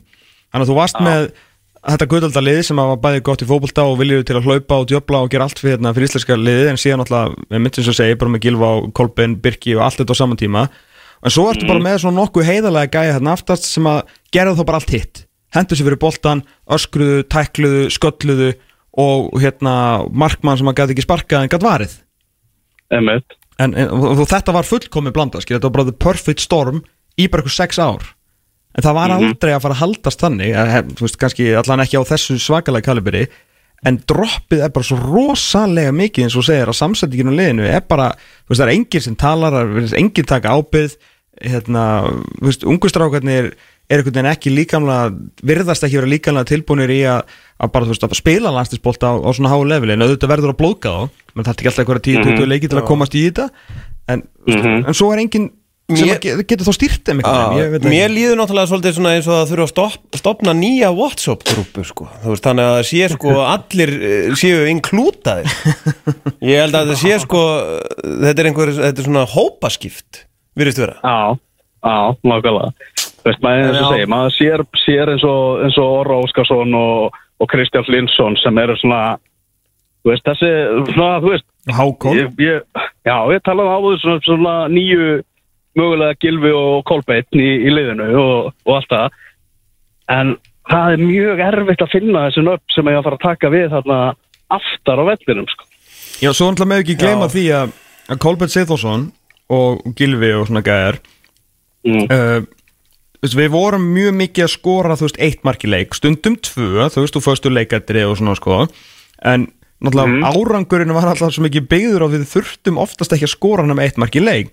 Þannig að þó að við myndum fá sko Orra sem Kolbein og hérna Kristján sem Gilva og meiri sagði að bæta við þarna Hákoni Arnari sem einhver, ég veit ekki, einhver hýbrit Jói Berg Alfreð sko til þess að gefa hann þá mesta hrós sem hann getur fengið. Að hérna en þeir geta samt ekki skora sko þrjúmörkileik, við þurfum alltaf að verjast Já, já. Ég meina, það er erfitt að sjá svona marki sem við fáum á okkur hérna hvað á sjöundu mínútu í gæðir, veistu, úr þessari vítaspilnu eftir hennar klaufagang. Veistu, við vorum ekki að sjá svona Nei, fasta á þessum tímapunktum í fótballtaleikjum á árum áður og þetta kom okkur bara í, í, í brekku í gæðir. Já, þetta er svo, herru, hvernig er ferðalagi heim? Herru, ferðalagi er bara þannig að eh, það er bara flug hérna í kvöld. Það lendur á Íslandi eitthvað um, um halv tólf. Þannig að það er bara mjög fínt að chilla á flugvellinum og býða til því að sjá hvernig þessi leiki sem er að byrja í lengjudeldinu og svona og, og hvernig annar deldaleikinu líka er að fara að fara. Einmitt, einmitt Já, þið ákveðu ekki að taka flugið heim með ferðarskristuðu KSI sem er hérna og svona einhverju sagaklassverðum og svona Nei, við hérna landslið og, og aðrir fjölmjölamenn er að þeir bara mættur út á flugvöld núna er að, og er að fara að fljúa og, og það er aftur að, þú veist, þetta séu svona príðis piltar í þessu landslið þá skal við viðkjörna það svona, það er bara fínt að halda svona ákveðinni fjarlæða núna þegar við erum á, á, leiðinni, á leiðinni heim sko. Á, ég, ég skilði það ágæðlega Herðu, við hérna bara góða ferð heim Takk fyrir, takk fyrir spjalli og hérna bara er ekki áfram, áfram leiknir í kvöld, í dag? Já, já, mögulega bara áfram fjölnir. Er, Já, þú meinar. Það er eiginlega þannig. Það er bara, bara við erum komnir í úrstæðakjæftina þannig að svona basically skiptir þetta ekki máli sko. Nei, herðu, það það er eru ekki stress allavega þrjár blokkir á auglýsingum bara beint til þess að borga þetta símtal við þig. Heyrðu tala minn. Já, því lík veistla Góða ferð. Góða ferð. Bye bye, takk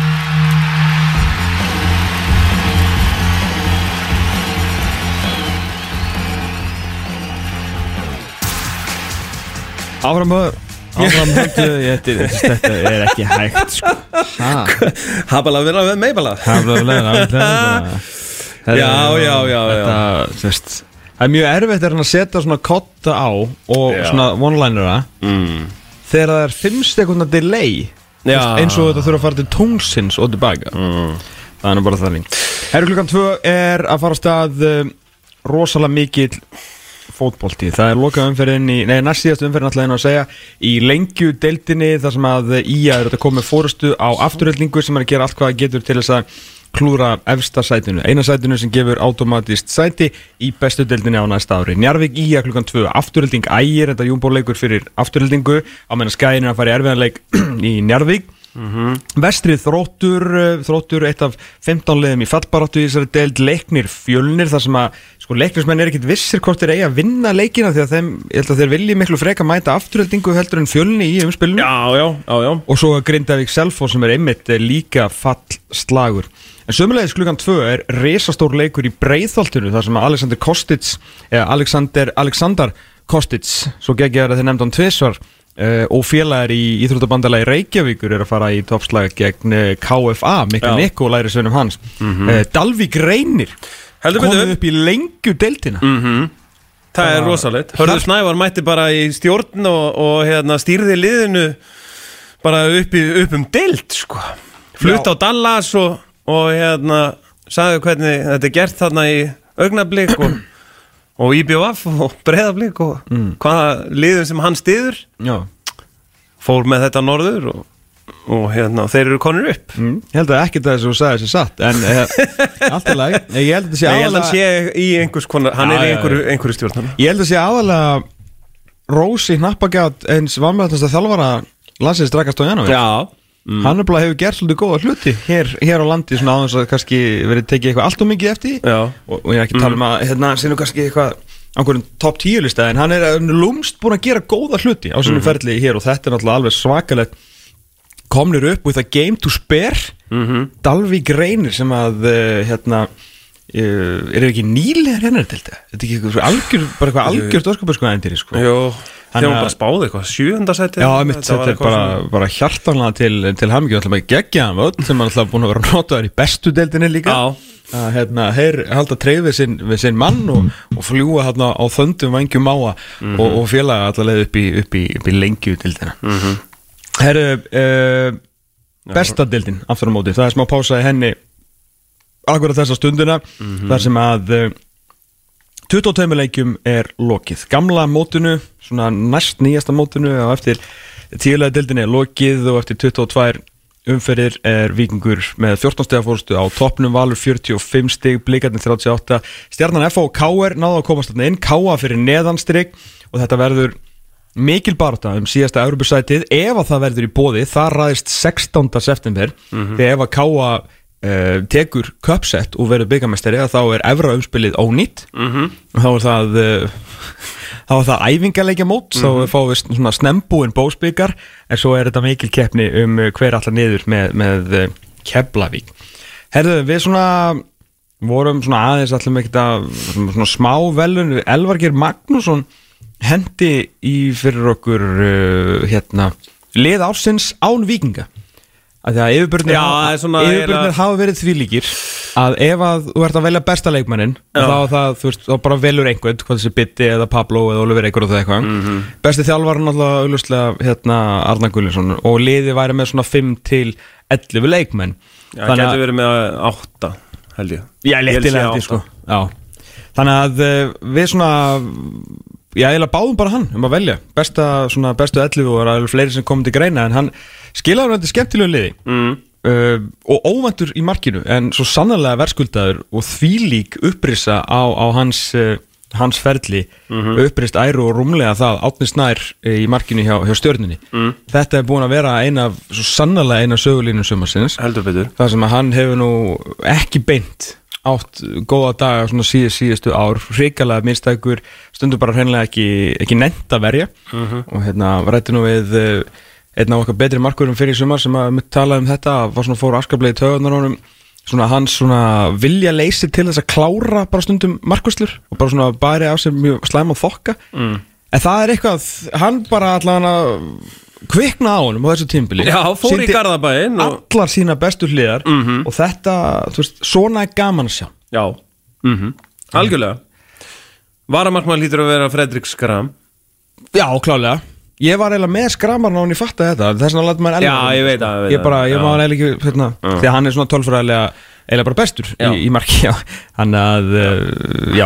Herru, auðveldur hæri bakur, Hoskuldur Gunnlaugsson að Já, ég er náttúrulega mjög ósamálað þessu Þú ert mjög ósammála? Já, ég vil náttúrulega Birki Má sko en, hérna, en ég, ég gef alveg höskuldi þetta sko. Hann er Já. alveg, mér finnst hann búin að vera frábær. En þó er viljir gefa Birki þetta. Ertu á því að hann hefur verið betri en e, Ég hef bara séð fleiri leiki kannski með, með Birki og liðið sem hann er í er sjú stigum fyrir ofan breiða blík, sko. en, hérna, en höskuldur á þetta alveg skilið sko. Alveg Þannig að þú væri búin til í að já ég, skipta ég, skraminn og Birki en þetta er svona strax svona orðið svolítið valslitað en alltaf Það er alltaf Hefur annar, svona í miðverunum, maður sem er þetta búin að spila alla stöðunum á mark, Guðmundur Kristjánsson. Já, búin að vera frábær í, í eh, sumar og, og einmitt e, þessi svona faldi leiðtói í stjórnunar Algjörlega. Ég, ég hef verið ótrúlega gaggrinn á hann síðustu ár. Minnst hann hafa verið bara, ég ætla bara að segja hörmulegur í FH-liðinu, Já. gefandi vítaspinnur og mörk alveg um kvippin og kappur en kannski var hann bara rangum maður og rangu staði og rangu situationu. FH bara átt erfitt uppdrátt ára, það var ekki að virka fyrir hann.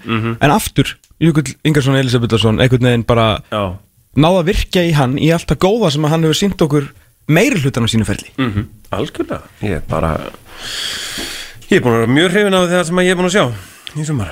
Með honum í miðverunum það kemur actually valsmaður. Það er minn maður. Það er kapsin Já, eh, eiginlega hérna Sko það er eiginlega þannig á, á valsvellinum er Birki Már uh, kongurinn Það fer enginn í hans Skilur, hann er, hann er fans favorite. Eðlilega. Uh, Svo ertu með Aron Jó Svo ertu með Kitta Frey. Ha? Sem er svona crowd favorite Public PSM, skilur þú veist þetta eru svona en kvöld híróið í sumar Já. Hlinur hann er búin að sko, fó, maður finnur það í fjósinu Mm. svona ah, Hlinur, það er minn maður einhvern veginn, það er alltaf fleiri og fleiri sko.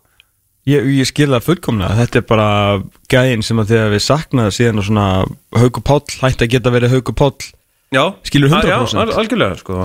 laumar sér hérna, hann getur spilað alltaf með spilað á miðju. Já, tóku vinstri bakverð hann um tímanbilið hann einhvern tíðan, datt í það. Ef þú fengir bara skilabóð frá Berki núna bara, heyrðu, við nennum ekki að velja þetta sjálfur bara leikmaður ásins á logoðinu Mm. Er ekki hlinur það?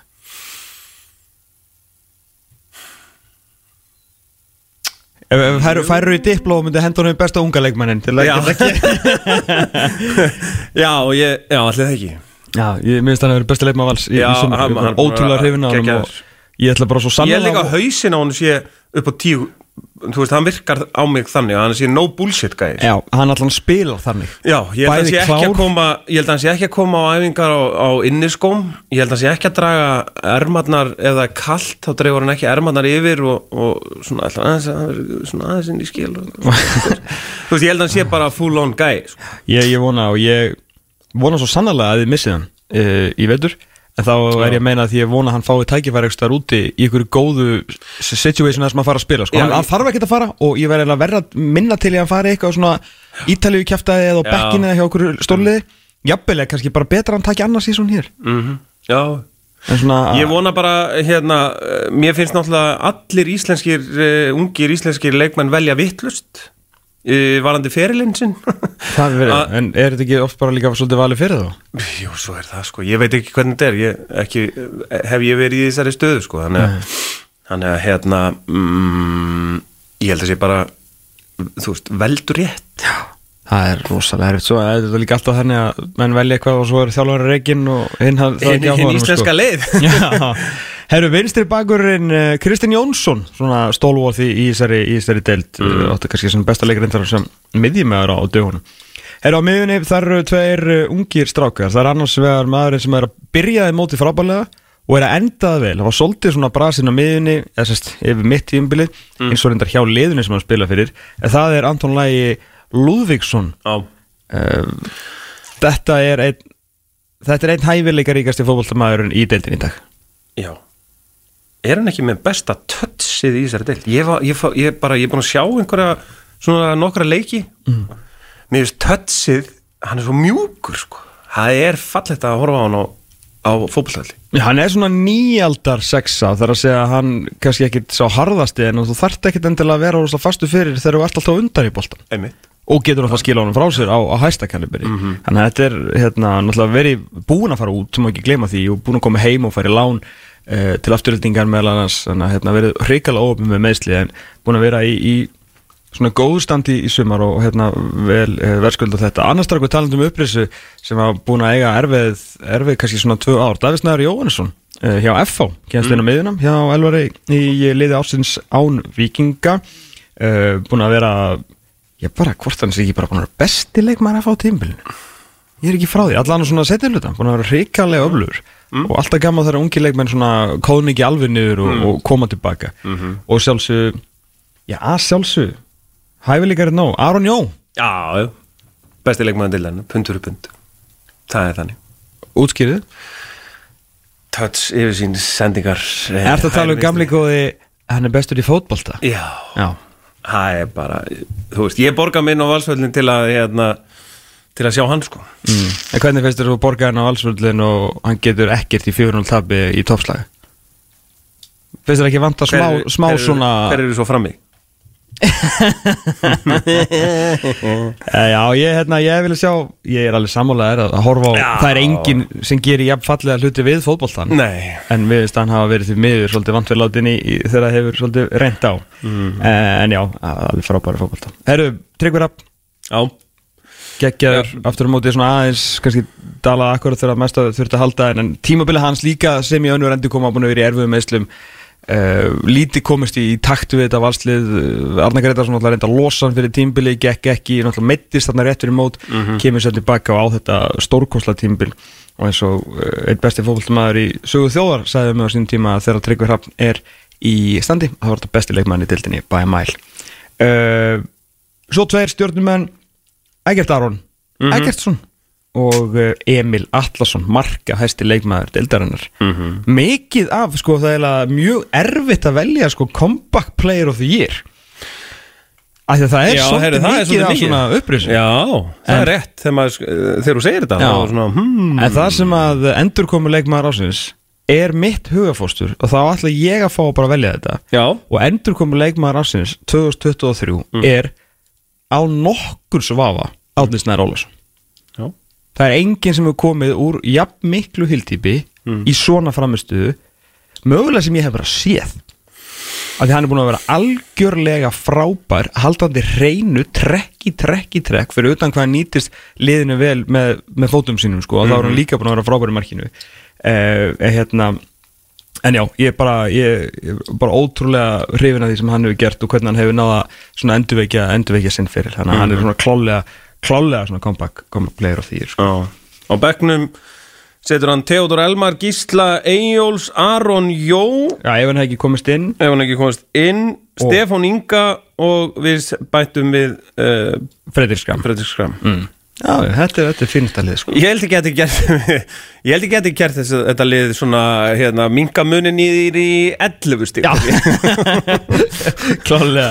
Herru, hérna, besti þjálfarinn, allar maður sem er að setja stegametið og markametið og markatölumetið, Arna Gullusson, en ný velun, Mm. besti þjálfarinn með forgjöf. Á, Án vikinga Já, já með, uh, besti þjálfarinn með forgjöf er það, eh, sko, þetta eru, eru tveir sem kom til greina það er annars vegar Jökull Elisabethsson fyrir það sem hann hefur gert úr yfir stjórnunu upp en þeim var ekki spáð svona slæmu gengi þannig ég ætla að fara í úr því að eiga að já, þetta er þessi tveir sem komum til greina er annars vegar Jökull Elisabethsson mm. og Ómar Ingi Mhm. Hvort liðst þið betur á? Að þjálfa þetta lið?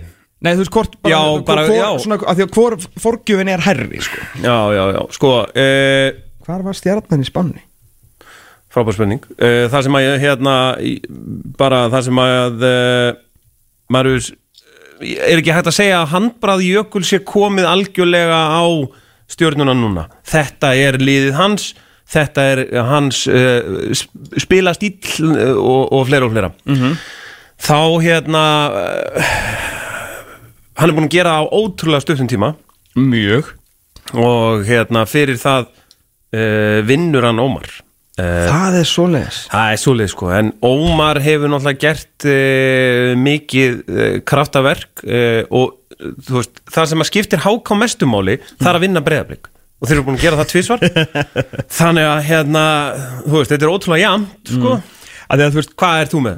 ég er sko að því að stjarnan er at the end of the day tveimur sætum ofan en spáin Ok. ef, ef við notum spána sem eitthvað skona forgjöf þó ég sé sammála öllu svo þú sagðir bara Já. um hvað hann var fljótur að bara búa til nýtt lið það bara með fokkin tímabili sko. Já, svo er það Sem er ótrúlegt. Svo er það líka það er ekkit eins og þeir og veist hann Hann á eftir, hann á eftir hann 15 mánuðið af undirbúinastíma með eitt leikst undirbúrst tímabili í heimi að því að hann tekur við því sko við, við fallseti hann fer í gegnum það sem margir gera á heilu tímabili að vinna, tapa, vinna, tapa, reyna að móta þetta lið og svona, á svo komum við sterkir inn Já. í hérna á næsta Já, tímabili Já, hann gerir það bara svona í fyrstu tíuleikinum ég segi nú ekki hann tekið á miður tímabili Gústi Forðan nokkuð snemma, en hann fór í gegnum það og svo bara var hann bara að koma bara setjum hlut á sumars með bara fullmóta lið og vann alla leikina þannig að það er frábælega gert en er samt á endanum með stjórnuna tveimur er sætum frá spáfóbalta.net Mhm. á meðan að eh, Ómar Ingi er með að fjóru stigum að því að spá 12. sætinu sko.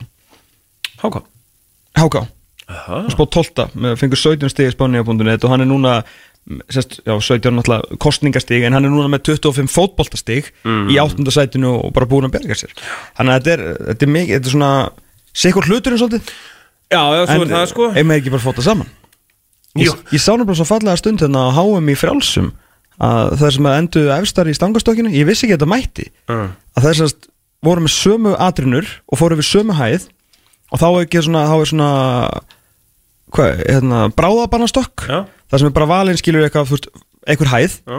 og það reyna bara að fyrir yfir og svo sem fyrir yfir og bara bráðabanni Já. en þú mátt sem sagt að segja bara, hei ef ekki bara deila þessu Wow og kaninn spurði hérna Ástralan, maður með að segja bara, herru ef ekki bara báðar heimsmeistrar Já. og hún bara, ha, oh my god, jú og bara báðar fögnuði wow. ég er bara að gleyma því að mín maður hérna, Mútas Essim Basim, hástökkari frá, frá Katar gerði það líka á hérna, HM með olimpíuleikunum fyrir einhverjum árum síðan.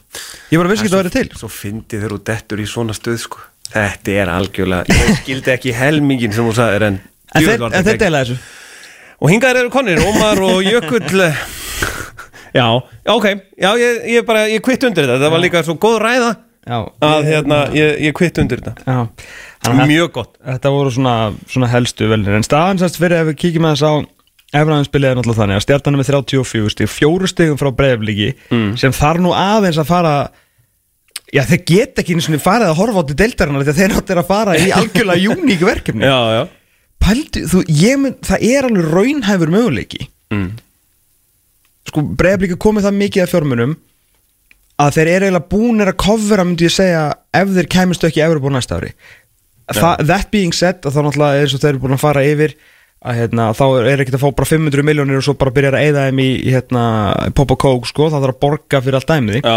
þannig að auðvitað er þið högg fyrir að komast ekki í Európu en fjórun stegum frá stjörnunni með hvernig stjarnan er að spila þessa dagana og breyðablíkar að fara í Bocking Conference League riðlækjarn mm. -hmm. finnst þér eitthvað alveg út úr korti að, að þeir getur dotti út úr Európa já, er það ekki út úr korti Jú, sko, það þeir þurfa að fara nýri í fymta ef að Já, þeir þurfa að uh, Nei, ef, já, ef að káa vinnur þá, þá þurfa að nóg bara fyrir að fara niður í fjórasætti sko. Sko, það sem að hérna, ég lærði í, í því Evropaæventurinu sem að hérna, Valur var í, í handbóltanum í fyrra, þá talaði Snorri svo mikið um það, sko, við verðum að standa okkur í deildinni til að það sé gaman, það sé gaman að hérna, ferðast með sigur á bakinu og, og hérna, það sé gaman í ferðalagi að því að þú ert þú ert búin að taka þátt í einhver og, þú veist, og, og ert ekki bull og vitleysu, sko. Nei, nei. Ég held náttúrulega hérna, uh, þú veist, Óskar hlýtur að hugsa þetta þannig að þú veist, það er ekkit gaman að fara til eitthvað til hérna, þú veist, taka þátt í þessu bara í nóvember og desember uh, skilur, í, í þessum svaka glugga að það, þeir séu bara ekki og næst ári og þessi erfitt að mótivera menn í staðin fyrir að coming on a high, sko, það er auðveldar að vakna kljóðan þrjú til að fara í flug Já. ef það er búið að ganga vel. Einmitt, einmitt. þannig að ég ætla að segja að þeir eh, svona komi svolítið, þú veist fers, að, að því sögðu þú veist, ég skildi alveg að þeir gátt ekki neitt á móti FH mm. þú veist, mér fannst það mér fannst það bara pínu skiljanlegt þó að ég hafi haldið reyndar að þeir myndu vera svo léttir á sér að þeir myndu vinna FH 6-0 Já, ég var með þér í því sko. Umulegt teik hérna, en eh, eftir á að higgja og maður var búin að sjá að veist, þeir voru á át og voru að hérna, taka myndir og veist, það var lengi, vaka lengi Já, fram já, eftir, já. þá skildi ég þetta alveg og það er allt í læg Já, já, en, en bara hérna, núna held ég að þeir komið svolítið léttir á, á fæti. Og þegar þeir eru léttir á fæti að þá eru þeir helviti góður í fótboll þeir eru það sko þeir þú veist, það er ekki breyðablík, það sem ég er svolítið skrítið við breyðablík í sumar er að það er búið að vera eitthvað svo þungt ský. Það er búið að vera gaman hjá þeim. Þeir eru, jú, í, komnir í riðlakeppni, fyrst íslenskara liða. Og hérna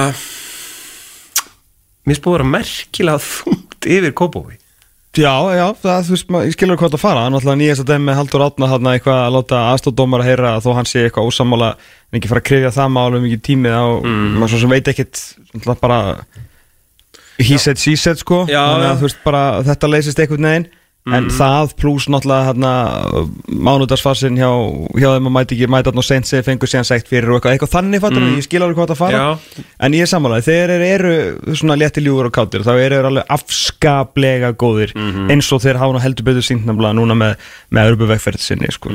þetta fer alltaf stað eftir byggarústaleikin sem, að, sem fyrir segir, fyrir fram eftir viku þegar vikingur og káa mætast á lögutarsveiti klukkan 16.00 Herri, tökum bara eina stutta pásu viðbútt, það er lag sem heitir Honda Civic sem að, mér, mér Wow. fyndi uh, GT GT GTI, nei, hvernig, hvað heit, jú, hétt ekki GTI GT, já, það var hérna, trillt dæmi sko. Já. Herru, eftir það ætlum við að tala aðeins um, um ennska boltan og fótboltakalla sem að kostu mikið en uh, hafa ekki mikið gert. Það kom að því síðustu innkomu að ég myndi að slökk á læginu fyrirfram en uh, óttist ekki börni góð Elvagen Magnússon verður sem betur fyrir komin á takkana eftir, eftir viku. Já, hvernig fannst þér Honda Civic var, þetta var svona Ég, var ekki mjög hefinn Nei, nei, það vandaði GTI þannig að Herru, svo bara einn lélægasta hljósett sögur þetta næsta dag sko. Nú? Sem betur verið farið Kings of Leon.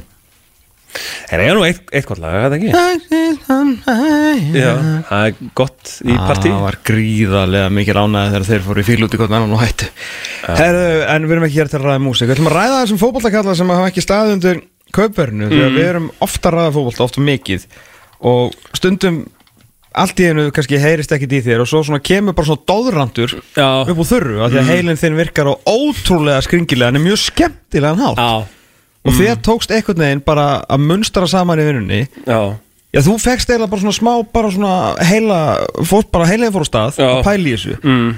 Segðu okkur aðeins hvað varst með, þetta, þetta er mjög skemmtilegt. Herru, þetta kemur í, í rauninni að því að uh, J. John Sancho hérna er bara búin að ég ætla að segja það að hann sé búin að spila sinn síðasta leik uh, það er eitthvað drama fyrir opnum tjöldum uh, hjá mannstyrunætit uh, sem að ég held að sé hefði auðveldlega verið hægt að koma í veg fyrir Þetta er aðeins að vinda upp á þessu, því að nú er- eru menn að benda á hvernig hann lét oft hjá, hjá Dortmund og svona, eigi smá sögu að æfa illa. Já, og hérna og, og svona sé bara já, sé bara kötturinn í segnum, svolítið uh, því að hann kostaði uh, 70 pluss miljónir En þegar hann kom, var það frábær prís fyrir 20 ára, Já, eða 21 árs gamlan englending prúfen í stóri deild og. Mhm. Champions League landsliðsmaður og svona Algjörlega. United vill alltaf, vill alltaf vera með stóru englendingana Já. þannig að 70 miljonum voru ekki neitt en, Ekki fyrir Manchester United sko. Nei, nei, nei. En, en stórvermiði Já, rosalega stór vermiðu Síðan hérna gerist það að uh, uh, Antoni sem að ég bara hef aldrei skilið hvað er ég veit ekki hvaða fótboltamaður þetta er því að það er borgað hana toppverð fyrir þennan gæja sem að virðist ekki geta tekið leikmenn á hann virðist ekki geta krossað hann hann er ekki með frábær skot hvorki með hægri nýja vinstri hann hefur sínt Hann skoraði fyrstu þreymur leikjunum. Sínt svona glimpsur af því að hann sé með það en það er hvergi einhvern veginn. Nei, nei. og, og ég átta mig ekki á því hvaða leikmaður þetta er af því að hann virðist bara vera í því að hjálpa Van Bissaka í varnarvinnu.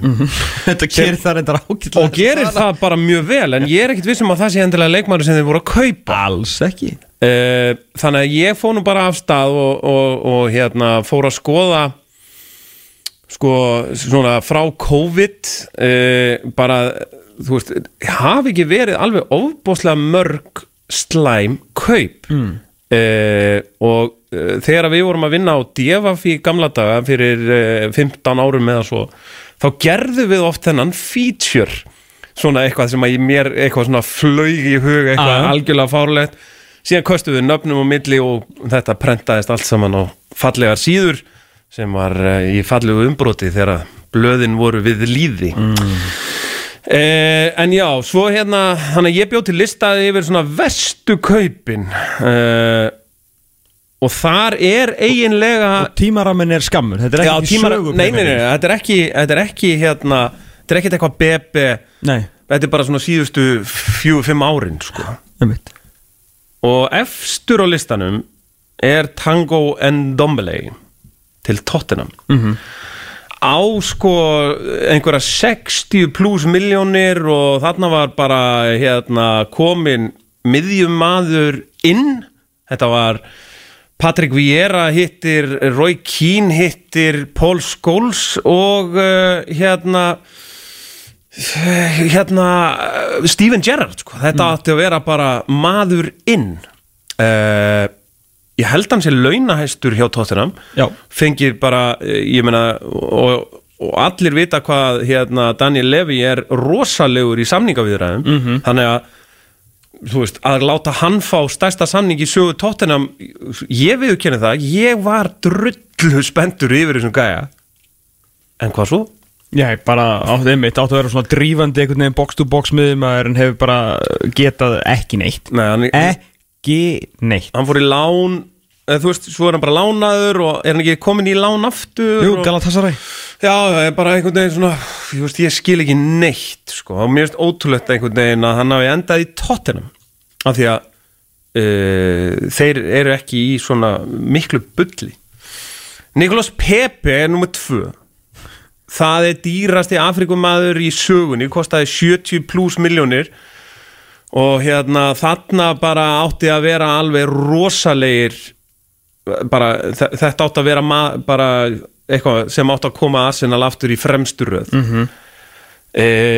Ótrúlegu peningu fyrir Arsenal á þessum tíma. Á á þessum, ekki gleyma því að, að sko, þeir eru valla búin að kaupa á undan þessu bara leikmann fyrir meir en fjórar miljónar þeir eru alltaf að borga einhvern völl og eitthvað svona bladi blú þannig að 72 miljónum punta var bara óbóðslegt verð og uh, þetta var á þeim tíma þegar kom hérna Welcome Nicolas Pepe to Arsenal svona YouTube mymband og það var verið að sína hann í Frakland og maður var bara, heyrðu, góðan og gleðilegan. Já, komið mynd úr lill skólanum Já, og hann bara- verið frábær. Og hérna og veist sko, hann skoraði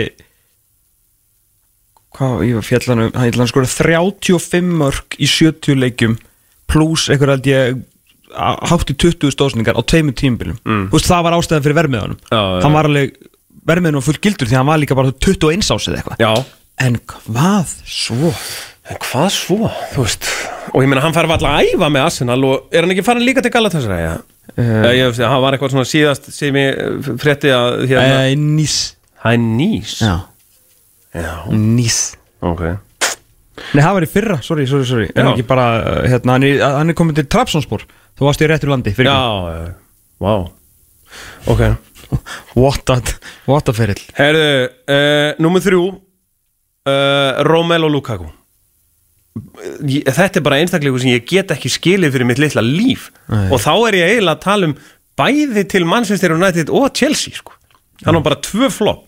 Hann ætti náttúrulega að vera um eitt Já, svona doppul, premjölík Já, því að þetta eru ég meina, Chelsea borgar óbóð, það er ekki bara næstu 100 miljónir og United borgaði sko 70 miljónir eða eitthvað Mhm. -hmm. veist, þannig að hann er næstu 200 miljónir hann í ennsku úrvasteldina og það bara er ekkert að frétta sko. En þá finna við þetta er að þegar hann alltaf keftur til United að þá er hann keftur veist, frá Everton Mhm. hann er bara á, á hérna, trakki, að verða bara einn markaðasti leikmæri sögu premjölík því að hann var búin að gera þetta með sko West Bromwich Albion á láni frá, frá Chelsea Mhm. veist, þegar hann var þar í fyrra skiptið svo Everton, þá bara svona ok, stór sterkur frammeiri, kemur í Manchester United menn þetta er bara að við erum að tala um einhverjar Harry Kane tölur. Já. fer svo til Ítalíu nær sér í gang, já, 100 miljonur og floppar aftur já. Þetta er ótrúlegt Þetta er ótrúlegt og það sem að mér varst svo skemmtilegt við hérna þegar Lukaku kom til hérna uh, United að þá var hann og Pogba í Miami að hérna hitt, þú veist, það er kynningavídeóð á honum eða ekki? jú, jú og þeir eru bara best buds og, hérna bara my brother og eitthvað svona og svo bara what? og þetta, þetta var mjög skrítið sko. E, Joe Linton, minn maður 40 miljónur punta fyrir strækar e, ros á þeim tíma var rosalegu peningu fyrir e, Newcastle. Ég held að sé að hafa verið dýrastur á þeim tíma mig, já, og hérna, hann var strækar veit ég hvort þú mannst eftir því, hann var kiftur sem framherri Já, já, já, eftir að hafa skorað reyndar ekkit sérstaklega mikið Nei. en, en svona, þú veist, menn sáu þakk í Já, já, það var, það var, það var hátt Já, en, en, eins og hann en hann bara, þetta er einhver aðlélegasti framherri sem hefur bara stíðið fæti enska, í enska boltan sko. Já. Þannig að hann er bara miðjumæður.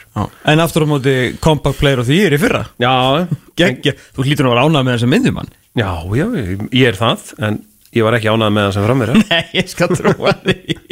Þetta var líka, sko, var ekki Steve Bruce sem að kefta og hann fekk loksins já. bara eitthvað svona Hann fikk eitthvað budget, sko. Það var bara eitthvað pening og bara, oh my god, ég bara, hefur ég kannski ég einhverja keypt, leiki.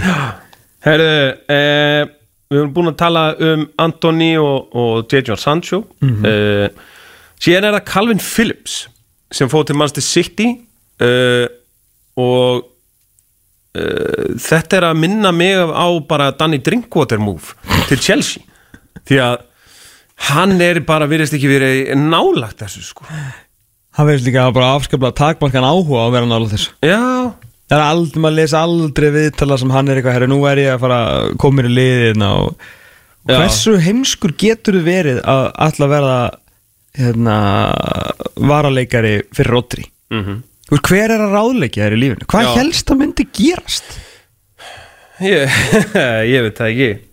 Hvað, þú veist, ef þú ættir að vera hérna, understöndi fyrir Arnar Jónsson í Shakespeare-leikriti hvað heldur þú að fara að spila marga, eða hvað heldur þú að fara að sjá marga sýningar? að standa á, á, á, sviðinu? Já, Ég versus Arnar Jónsson. Já. Þetta er, þetta er, þetta er ein flensusýning Þú veist, meina, hann, og, og sko alveg saman þótt að ég myndi fá grímuna fyrir þá sýn- sýningu hann myndi alltaf stíga inn sko já, já, það er nú bara þannig. Eh, Nabi Keita. Já. Kjæst hann off, já. Það var ekki gott. Að borgaði svo mikið pening sko, fyrir líf þetta voru 50 plus sko. Gleimir hann kostaði hann mikið? Djúvel var hann liðlega maður.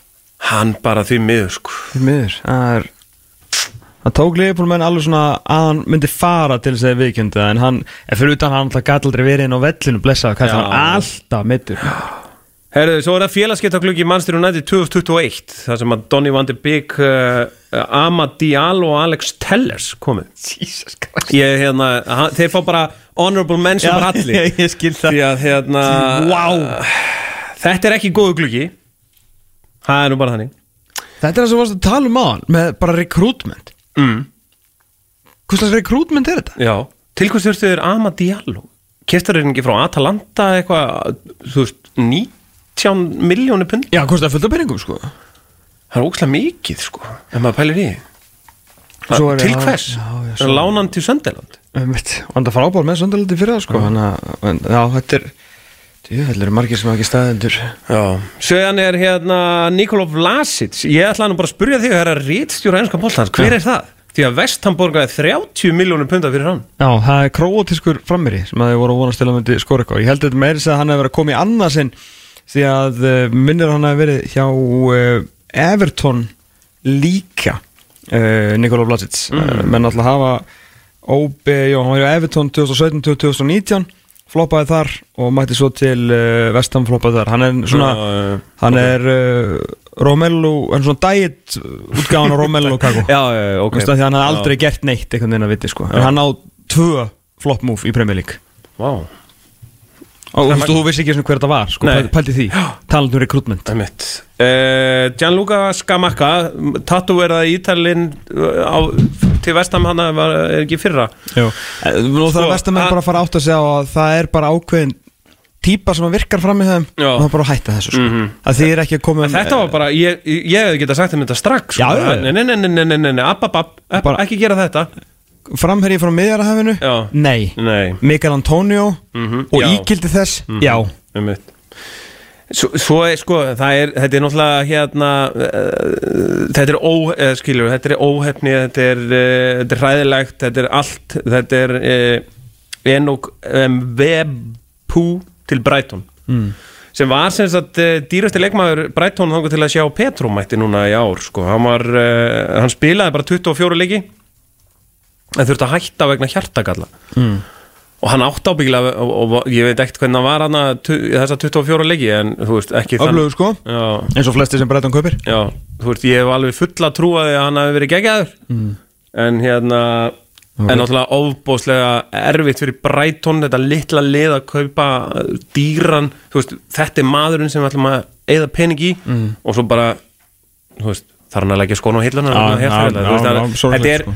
Þetta er svona honorable mention en þú veist, mér langar ekki að hafa hann hana nei, en það er svona, já um, svo var ég að berjast við Harry Maguire, ég veit ekki alveg sko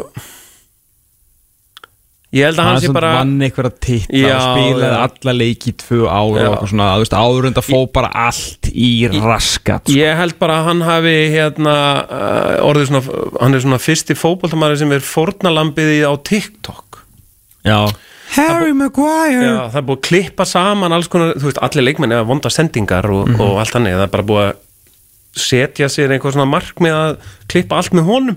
Ég voru áttu að því sko að þetta var bara eitthvað afríska þingin. Ég veit að Afríka er ekki land þar heimsóla Ég mæni hvort það er nýgir eitthvað. Þetta sem er alltaf á TikTok. Mm. Þegar maður bara líka stjórnaranstöðinni við Harry Maguire. Þú veist bara að maður er í golfi núna Og maður heyri bara teig, næsta teig skilur Eitthvað slæsar hann Harry Maguire! Þú veist þetta er bara hvað hann er komið þangað.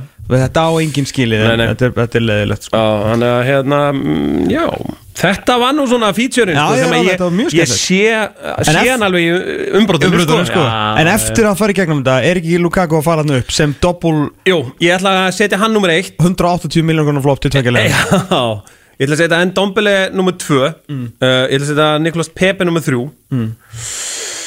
Uh, Af því að featurein er til út af J.J. Sancho og Anthony sko, þá eru þeir ekki með skilur, Nei, nei, nei. Veist, skilur, þeir eru ástæðan fyrir að featurein er búin til sko.